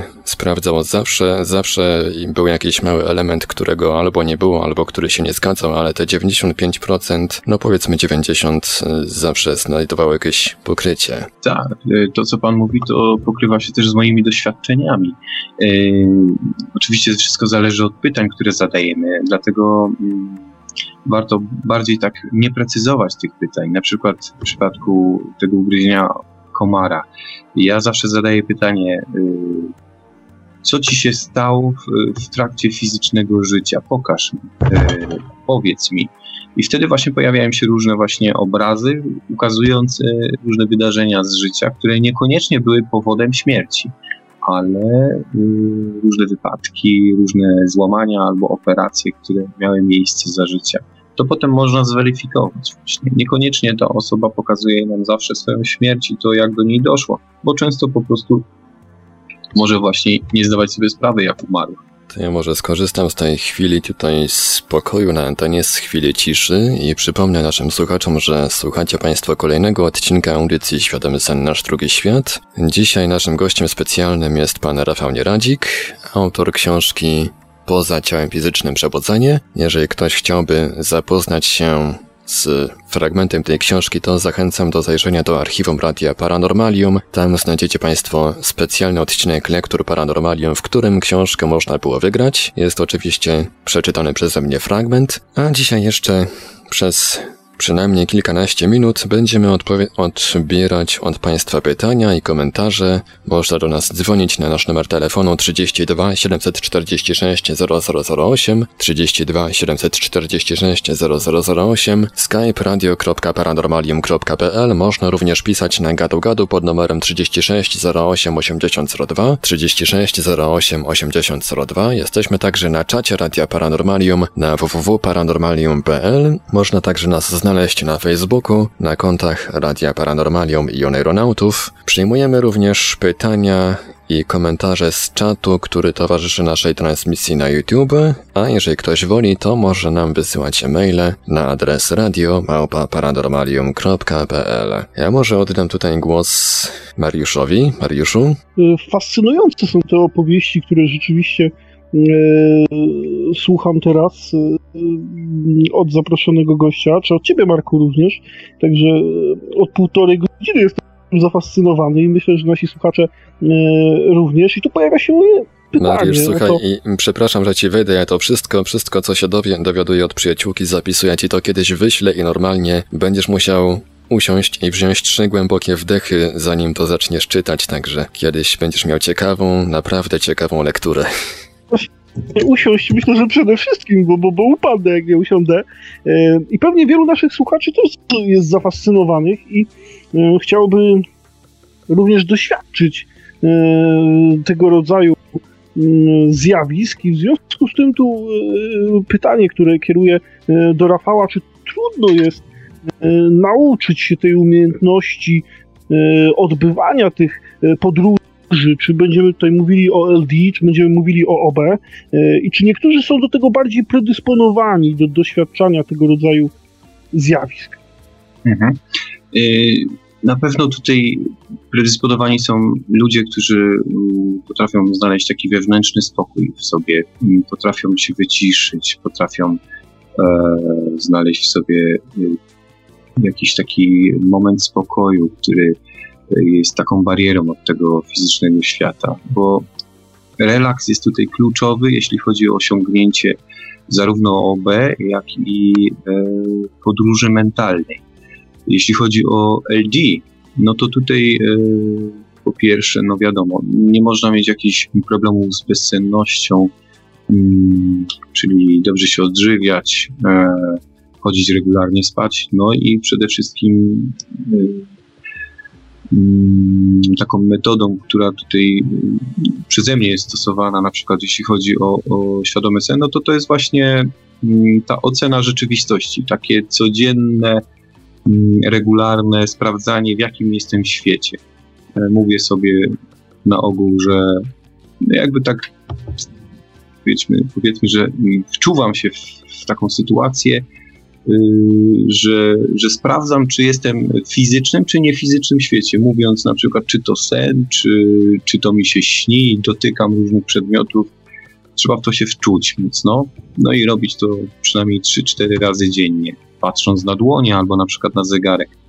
E, dodatkową taką pomocą do uzyskania świadomego snu może być e, częste, nie mówię już regularne, słuchanie na przykład dźwięków e, do synchronizacji pulpul, czyli tutaj mówię o chemisync. Mm, one naprawdę pomagają. Być może my nie doświadczymy niczego podczas słuchania, ale to się uaktywni podczas snu. Także to naprawdę wspomaga częstotliwość występowania właśnie tych świadomych snów. No i na przykład to afrykańskie, y, afrykański korzeń snu, to zioło, które zioła w zasadzie korzeń, y, który, który możemy właśnie skruszony spożywać i też ma podobno duże właściwości w regularnym, częstotliwym występowaniu y, świadomego śnienia osobiście nie stosowałem, bo dopiero zasiałem w tym roku, a zbiór jest dopiero za dwa lata. E, jeśli chodzi o OB, no to to jest, tak jak mówiłem na początku, to jest najtrudniejsza metoda opuszczenia fizycznego ciała. Jest najtrudniejsza i tutaj trzeba być skrupulatnym, nie można się poddawać. E, trzeba umieć się uspokoić, przede wszystkim wewnętrznie. Trzeba umieć uspokoić umysł. Trzeba wyciszyć, potrafić wyciszyć umysł. Trzeba nauczyć się relaksacji. Myślę, że to jest y, taki pierwszy krok. Nauka relaksacji. Relaksowanie się. Codzienne położenie się na pół godziny przynajmniej i próbowanie y, zrelaksowania całego fizycznego ciała. No, a potem próby, które najczęściej i najlepiej robić bardzo wcześnie rano, Y, ustalić to względem swojego fizycznego ciała, ile to ciało potrzebuje snu i powiedzmy obciąć o jedną trzecią. Budzić się niewyspanym, wstać z tego łóżka, zmobilizować się i rozbudzić się. Przez godzinę na przykład y, spożyć parę łyków yerba mate, parę łyków kawy na przykład, albo tego, albo tego, nigdy nie mieszać, chociaż przyznaję, że lepsza jest yerba Y, kawa zbyt y, bardzo rozprasza umysł. No i po spożyciu właśnie tych paru łyków, na przykład siąść sobie na komputer, czy włączyć sobie telewizor, rozbudzić oczy, obudzić oczy, głównie chodzi tutaj o oczy, o, właśnie o narząd zmysłu, jakim jest wzrok. No i po godzinie, równej godzinie położyć się z powrotem do łóżka. Oczywiście w domu nie powinno być nikogo, nikt nie powinien przeszkadzać. No chyba, że, że mamy takich domowników, którzy, którzy nam nie przeszkadzają. Położyć się z powrotem do łóżka, zastosować właśnie metodę, którąś z metod relaksacji, zrelaksować pomalutku każdy element swojego ciała, od dłoni poczynawszy, kończywszy na głowie, na, na oczach, na, na uszach, na ustach. Mm, kiedy wprowadzimy się w ten stan fokus 10, Y, zaczynamy skupiać się na czerni. Zaczynamy skupiać się na czerni, staramy się mm, wyciszyć umysł, żeby nie było tych myśli, żeby było ich coraz mniej. Kiedy skupimy się na czerni, po pewnym czasie powinna pojawić się trójwymiarowa czerni. To jest y, bardzo mm, ciekawe zjawisko, takie doświadczenie, którego też się nie zapomina i wiele osób może, może wystraszyć. Przede wszystkim też panowanie nad strachem, nad lękiem. Pamiętajmy, że nic nie jest w stanie nas yy, skrzywdzić, że wrócimy do ciała. Jeśli to się uda, to wrócimy do ciała, bo wiele osób po prostu mówi o tym, że doświadczyło raz w życiu yy, OB, ale tak bardzo się wystraszyło, że od razu wróciło do ciała fizycznego właśnie ten strach jest nieodłączny, on się tak czy siak pojawi, ale jeśli się pojawi wrócimy do tego ciała, to następnym razem już będzie mniejszy. Yy, walczyć z tym strachem. No i w momencie, jak pojawi się ta trójwymiarowa czerń, wtedy spróbować zwizualizować sobie na przykład, że spinamy się albo wznosimy się do góry, wyobrazić sobie niebo, chmury, wznoszenie, albo na przykład y, starajmy się wyobrazić, że jesteśmy w jakimś miejscu w naszym domu czy mieszkaniu, takim, w którym najczęściej przebywamy, na przykład kuchnia czy tam pokój. Y, w pewnym momencie albo zaczniemy się wznosić, oczywiście cały czas musimy pamiętać, że ciało musi być zrelaksowane, albo w pewnym momencie znajdziemy się właśnie w tym miejscu, w tym pomieszczeniu, w, tej kuchni czy w pokoju. Inną, inną taką metodą, którą ja stosuję, to jest właśnie zrelaksowanie się, doprowadzenie się do stanu fokus 10, obudzenie się. To mniej więcej trwa około 10, 5, no czasami nawet i 3 minuty. To wszystko zależy od tego, jak szybko wejdę w stan takiego pełnego relaksu. Obudzić się, przewrócić się na bok, y, na którym najczęściej sobie śpimy, powiedzieć sobie na przykład, idę teraz spać i zamknąć oczy, zrelaksować się ponownie, delikatnie y, uśpić ciało, ale podtrzymywać świadomość, y, świadomość umysłu. I w momencie, jak pojawi się właśnie ta trójwymiarowa czerń i tak dalej, zacząć wyobrażać sobie, że się kręcimy na ten drugi bok. Pomalutku kręcimy się, kręcimy. W pewnym momencie, nie mówię, że, że się uda za pierwszym razem, ale może się okazać, że właśnie się zaczęliśmy kręcić i nasze niefizyczne ciało, to ciało astralne, wyskoczy z tego fizycznego. Spadniemy na podłogę na przykład, wstaniemy, zobaczymy nasze, nasze fizyczne ciało leżące na łóżku. To jest też bardzo ciekawy widok, y, który no, zapada w pamięci, kiedy możemy na siebie tak realnie spojrzeć, tak bardzo rzeczywiście. To jest no, niezapomniany widok. Przyznam, że nigdy się sobie nie przyglądałem, ale zawsze wydaje mi się, że wyglądam troszeczkę inaczej. No i to jest właśnie ten sposób na OB. Mm, a jeśli chodzi o podróż mentalną, no to tutaj już y, jest wymagana troszeczkę taka inna technika. I to, jak tutaj pan Marek wspomniał, on na przykład też dokonuje podróży mentalnej mm, jakąś swoją techniką. Technik osiągnięcia podróży mentalnej jest bardzo wiele i warto tutaj na przykład skorzystać y, z jakiegoś nauczyciela, kogoś, kto zna jakąś technikę, żeby mógł ewentualnie ją pokazać, wprowadzić, ale to już y, bardziej też y, potrzebny jest kontakt taki fizyczny, żeby po prostu mógł pokazać to naocznie też ewentualnie spróbować się wprowadzić razem ze swoim takim jakby uczniem ten stan. E, tak mniej więcej wyglądają warsztaty z Bruce'em Moenem, w których też uczestniczyłem. E, także no, jest to troszeczkę jakby, wydaje się trudniejszy sposób, ale tak naprawdę jest najprostszy z tych wszystkich sposobów. No i tak pokrótce jeśli chodzi o te metody. Są też filmy na YouTubie mojego autorstwa, właśnie jak wprowadzić się y, w te stany. Y, także można tam czymś się zasugerować, można obejrzeć. Ja jeszcze tylko wspomnę, panie Marku, bo y, zapomniałem powiedzieć o wibracjach. E, wibracje pojawiają się, kiedy próbujemy opuścić ciało fizyczne za pomocą właśnie technik OB, czyli tego najbardziej namacalnego mm, bycia poza ciałem fizycznym. Y, ja zapomniałem o wibracjach, ponieważ ja tych wibracji już nie czuję. One na samym początku, kiedy y, zaczynamy ćwiczyć, zaczynamy próbować, one są one się pojawiają. To jest takie uczucie, jakby całe nasze ciało się gotowało, każda drobinka jakby się, jakby bulgotała. No trudno to, one przechodzą od głowy do, do nóg, przez ręce. Czasami są bardzo intensywne, czasami są mniejsze. I, i, i im większe te wibracje, te wibracje jakby dostosowują naszą częstotliwość do, do tego niefizycznego świata. Im większe, tym lepsze dostrojenie, a tym samym lepszy odbiór tego niefizycznego świata i lepsze dalsze y, podróże y, i, i, ciekawsze doświadczenia. Także to jest też ważne. W moim przypadku te wibracje, mm, ja ich już fizycznie po prostu nie czuję. W pewnym momencie przestałem je odczuwać, a doświadczałem dalej OB, więc wydaje mi się, że no nie wiem, czy to jest tak zawsze, czy to tylko w moim przypadku, ale, ale tak, wibracje są ważne. One się pojawiają na ogół w momencie, kiedy osiągamy już tą trójwymiarową czerń, albo delikatnie e, przed, albo delikatnie po.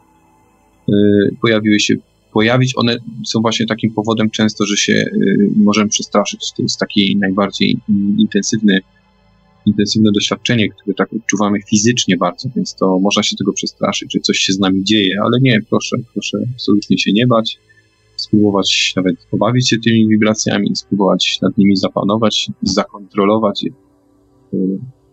Tak, no i to tyle chciałem jeszcze tutaj powiedzieć. Właśnie odnośnie tych wibracji, przypomniał mi się teraz, że właściwie na początku tej, jak zacząłem brać udział w tych medytacjach grupowych, tam e, przewodniczącym, jakby głównodowodzącym był taki mistrz Reiki, który zajmuje się tym już e, który pracą z energiami zajmuje się już od kilkunastu lat. I właśnie po tym, jak po inicjacji ręki, jak już ten mistrz mnie tam pooczyszczał, przygotował i tak dalej, i tak dalej, właśnie z, z, jak zacząłem brać udział w tych medytacjach grupowych, jak zacząłem się oczyszczać i robić tam różne inne tego typu rzeczy, to właśnie podczas tego oczyszczania, e, zawsze przed, e, przed snem to robię, e, podczas tego oczyszczania zacząłem mi, zacząłem odczuwać coś takiego, jakby takie prądy mi prze, przechodziły od stóp do czubka głowy. Coś takiego jakby podłączenie na fizykoterapii, jakby, jakbym miał podłączone elektrody do całego ciała i po prostu po kolei uaktywniały się te elektrody na nogach, na kolenie, na brzuchu, na głowie i tak dalej. Ja nie mam wątpliwości, że to właśnie były te, to, ten sam rodzaj wibracji, które powodują dostrojenie się jakby nas do tego niefizycznego świata. Pozwolę sobie jeszcze dwa pytania yy, ostatecznie. Jedno będzie od naszej sympatyczki, która przysłała nam yy, wiadomość prywatną na naszym fanpage'u, a drugie będzie od ruchu neuronautycznego i myślę, że będzie też e, ciekawym dla naszych słuchaczy podsumowaniem tego, o czym mówimy i pewną niespodzianką również na koniec. Więc zacznę od tego pytania od słuchaczki mm, Oli i pozwolę sobie tutaj zacytować pytanie do pana Rafała. Czy uważa, że nad tym wszystkim jest jakaś istota boska, czy cokolwiek w tym rodzaju? Czy uważa, że to tylko nasza energia? Bo wspominał Pan o różnego rodzaju istotach, również o czymś w rodzaju wyższej jaźni, jako elemencie nas samych. A czy istnieje właśnie, jak pyta tutaj Ola, coś, co byłoby ponad nami, jakiegoś rodzaju istota, którą ona przyrównała do istoty boskiej? Hmm. No, jeśli chodzi o Boga i tak dalej, jego rolę, miejsce, w którym można by było gdzieś go umiejscowić. Wydaje mi się, że w ogóle mm, Bóg, y, o którym tak wiele słyszymy, y, będąc tutaj w ludzkich ciałach, y, z różnych ksiąg, z różnych religii, przesłań, to jest jednak mimo wszystko mm, istota, która jest jeszcze daleko od tego pierwszego, jakby można to nazwać, stworzyciela czy kreatora tego, tego fizycznego, powiedzmy, świata, bo jeśli chodzi o ten niefizyczny, to trudno tutaj stwierdzić, e, jak on tak naprawdę rządzi się poza tym naszym systemem życia ziemskiego, który no, pomału jest badany. Mm, jeśli chodzi o Ziemię, na przykład stworzenie Ziemi, no to tak jak wspomniałem, kiedy my staniemy się na przykład, my jako część, znaczy nie, nie my osobiście, ale y, nasze ja tam, czyli zbiór wszystkich nas i, i innych istot, które też doświadczają życia ziemskiego, a należą do tego samego dysku, będziemy mogli tworzyć sami takie fizyczne światy, czerpiąc z naszych doświadczeń na przykład y, doświadczeń ludzkich, e, kreować fizyczne istoty, w które na przykład będziemy mogli potem znów inkarnować i uczuć się tego stworzonego świata. A więc y, nachodzi taka mm, dygresja, że i Ziemia y, jest po prostu stworzeniem, jest stworzona przez taki właśnie dysk, taką wyższą świadomość, która osiągnęła już taki próg możliwości, że może kreować w fizycznej materii. E, jeśli chodzi o Boga, no to właśnie to, to myślę, że te nasze religie mniej więcej może określają tego Boga jako tego stworzyciela Ziemi, ale tak samo jak e, on stworzył Ziemię i, i, i on został stworzony Mm, ta pierwsza świadomość, która tak naprawdę od której wszystko się zaczęło, mm, z tego co pamiętam, to Bruce Moen e, w jednej ze swoich książek mm, Podróż do Ojca Ciekawości, on miał właśnie taki przekaz, w którym nakreślił mniej więcej jak to wszystko na początku się zaczęło. Czyli jak stworzyły się wszystkie e, dyski, stworzyły się te wszystkie ja tam, które stworzyły kolejne ja tam, które stworzyły kolejne ja tam, które stworzyły kolejne ja tam, które stworzyły nas jako takie sądy, które doświadczają właśnie w tych fizycznych światach. Także on naliczył właśnie, że y, w tej hierarchii, że jest siedem takich e, dysków, czyli tych wyższych świadomości, a ta siódma jest tą ostatnią. I tak samo jak my na Ziemi, jako, te, jako takie maleńkie sądy, musimy Y, doświadczyć tak wiele, żeby zebrać sobie doświadczenie i wrócić do tego dysku, tak te nasze dyski tak samo zbierają te doświadczenie, żeby wrócić do większego dysku, aż y, kiedyś wrócimy do tego pierwotnego dysku. Tylko czy to jest ten pierwotny dysk, czy za nim nie kryje się kolejny jakiś dysk, jakaś jeszcze większa świadomość. Myślę, że z punktu widzenia bycia człowiekiem y, są to takie tematy do gdybania E, myślę, że nasz umysł nawet nie jest w stanie pojąć, pojąć aż tak daleko tego wszystkiego, tego obrazu jakiś tam kreuje. E, dlatego ja wolę zająć się jak najszybszym powrotem do dysku, nie rozważając tak naprawdę mm, istoty tego nadstworzenia tego wszystkiego. Myślę, że, że no nie ma sensu nie z punktu widzenia bycia jeszcze w fizycznym ciele, jakie niesie sobą mnóstwo ograniczeń tak.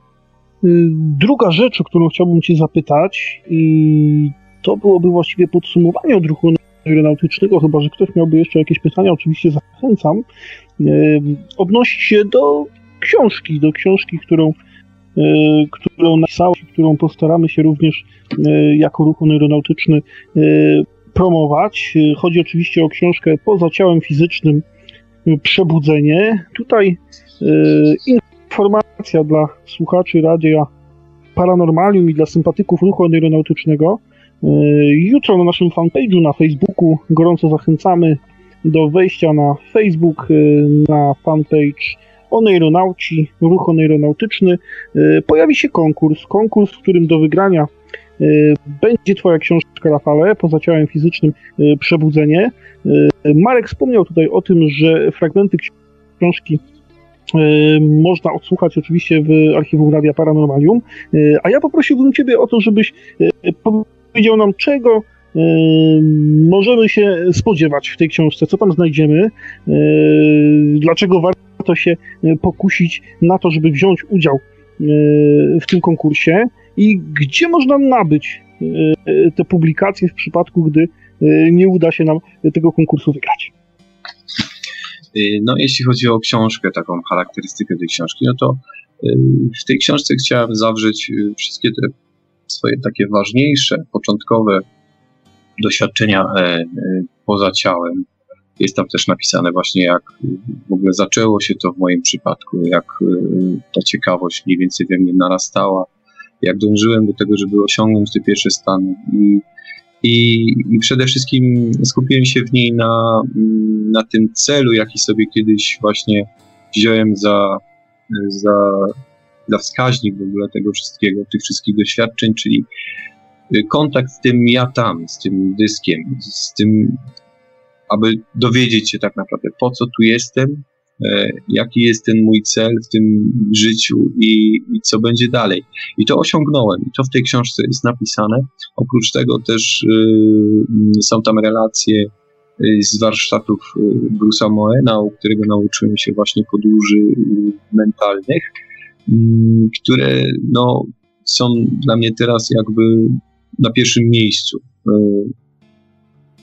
teraz właściwie już mm, nawet fizyczne życie już y, no niestety mnie tak zweryfikowało, że od roku nie doświadczam OB, bo no niestety nie mam jakby wolnych poranków, ale czasami doświadczam jeszcze świadomych snów, na przykład wczoraj doświadczyłem świadomego snu, a praktycznie dwa, trzy razy w ciągu tygodnia mm, doświadczam podróży mentalnych, o których właśnie też w książce jest napisane, o kontaktach ze zmarłymi, E, jak też do tego doszedłem, że można się kontaktować, właśnie jak się tego nauczyłem. Są tam podane różne przykłady kontaktu ze zmarłym e, razem z weryfikacją potem tych osób, które zweryfikowały. Mm, jeśli chodzi o kontakt ze zmarłym, no to w moim przypadku mi jest potrzebne tylko imię i nazwisko zmarłego mm, i wysyłam intencję do osoby zainteresowanej, którą musi ona wy, wy, wymówić, wypowiedzieć, y, no a potem następuje już y, kontakt i przesłanie informacji. Także to wszystko w tej książce też jest. No, y, specjalnie w książce nie zawarłem wszystkiego, żeby, żeby zostawić sobie na następne jakby publikacje. Chodzi mi tutaj głównie o właśnie kontakty z jakimiś innymi cywilizacjami, o, o to, co będzie na Ziemi, o wielki plan, który właśnie jest tutaj realizowany wielki plan, czyli wyjście y, ludzkości jakby w kolejny etap y, ewolucji. E, to wszystko zostawiłem sobie na, na, na następną książkę, także ta pierwsza jest właśnie takim przebudzeniem, e, przebudzeniem siebie samego. Myślę, że, że no, jak do tej pory nie otrzymałem żadnej jakby krytycznej opinii na temat książki, także myślę, że dobrze się ją czyta i, i jest przyjemne. Potwierdzam, dla... zgadzam się. Cieszę się. Także no polecam, jeśli ktoś naprawdę chce doświadczyć e, tego typu stanów e, poza ciałem fizycznym, odmiennych stanów świadomości, no to myślę, że książka może pomóc. E, w każdej jest dawka mojej energii, którą przelewam, zawsze pakując książki, wysyłając. Jeśli chodzi o nabycie książki, no to można ją nabyć tylko u mnie, y, poprzez Allegro albo przez y, bezpośrednie wpłaty na, na konto, które jest podane y, na takiej stronie internetowej. Po prostu wystarczy wpisać moje imię, nazwisko w wyszukiwarce i od razu tam pierwsza bądź druga pozycja to jest właśnie ta strona. Także bardzo łatwo znaleźć możliwość zakupu książki. Co jeszcze? No, jeśli chodzi o konkurs, to tutaj no nie wiem jakie będą pytania, ale już z góry gratuluję zwycięzcy. Mam nadzieję, że nie będą mm trudne. A ja właśnie miałem zamiar zadać na koniec audycji pytanie o to, czego możemy się spodziewać po nowej książce, a, a, a kiedy możemy się spodziewać samej książki, tej nowej? Mm, póki co właśnie teraz y, troszeczkę y, jestem zaangażowany fizycznie w pewne sprawy, więc jeszcze nie zacząłem y, pisać, ale już zbieram materiały, Y, pojawił się też inny pomysł y, jeszcze napisania takiej książki dotyczącej właśnie kontaktów ze zmarłymi. Być może właśnie przed tą drugą książką pojawi się jeszcze coś w tym rodzaju. Póki co nie gonię się, bo powiem szczerze, że mm, czasu mamy mnóstwo. Jak nie w tym życiu, to w następnym. Także Robert Monroe pisał swoje książki z, z bardzo dużym odstępem czasowym, także myślę, że mamy jeszcze trochę czasu. Nie musimy się spieszyć, bo sądząc po tym, czego się dowiadamy z relacji, z rozmów z osobami po tamtej stronie, tam po prostu nie ma czasu. Dokładnie. Czas nie istnieje. To myślę, że możemy powolutku kończyć. Oczywiście, jak tylko twoja nowa książka, tak, tak oto magicznie skończyliśmy z panowaniem na antenie. Także, e, tak, w, Rafale, w, gdy tylko twoja książka ukaże się już drukiem, to oczywiście Radio Paranormalium wspomoże promocję, może jakimś małym konkursem. Dziękuję, dziękuję. Będę pamiętał na pewno. A na razie kończymy już powolutku jeden chyba z najbardziej niezwykłych odcinków audycji Świadomy Sen Nasz Drugi Świat. Czy panowie aeronauci chcielibyście jeszcze coś dodać na koniec? Robercie? A, a, a, a, coś ci się stało z łączem, Robercie? Dziękuję.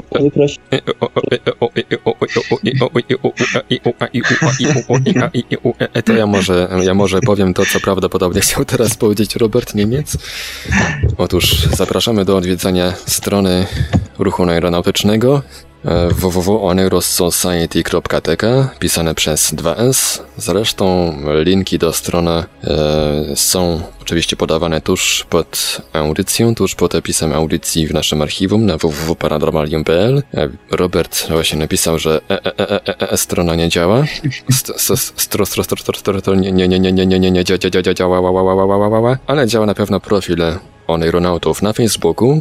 Link do profilu również znajdziecie Państwo pod opisem audycji, gdy ona trafi już do naszego archiwum. No i cóż, śledźcie stronę ruchu oneironautycznego oneirosociety.tk Nawet jeżeli nie działa to, za sprawą Roberta wierzę, że już niedługo wstanie. Śledźcie nasze profile na Facebooku, Radio Paranormalium i Ruch Oneironautyczny. Śledźcie również stronę Radia Paranormalium www.paranormalium.pl, bo tam zawsze dowiecie się jako pierwsi wszystkiego, czego słuchaczom Radia Paranormalium do szczęścia potrzeba. No i cóż, kończymy powolutku ten odcinek audycji Świadomy Sen Nasz Drugi Świat. Do końca zostali z nami Oneironauci Robert, Kuba, Mariusz oraz nasz gość specjalny Rafał Nieradzik. Dzięki wszystkim jeszcze raz. Dziękuję, Dziękuję bardzo. bardzo. Dzięki. No i do usłyszenia w kolejnym odcinku naszej audycji. Miejmy nadzieję, nic nam już tym razem nie przeszkodzi za tydzień. Audycja od strony technicznej obsługiwał Marek Sękiewelios, Radio Paranormalium, paranormalny głos w Twoim domu. Dobranoc i do usłyszenia ponownie już za tydzień.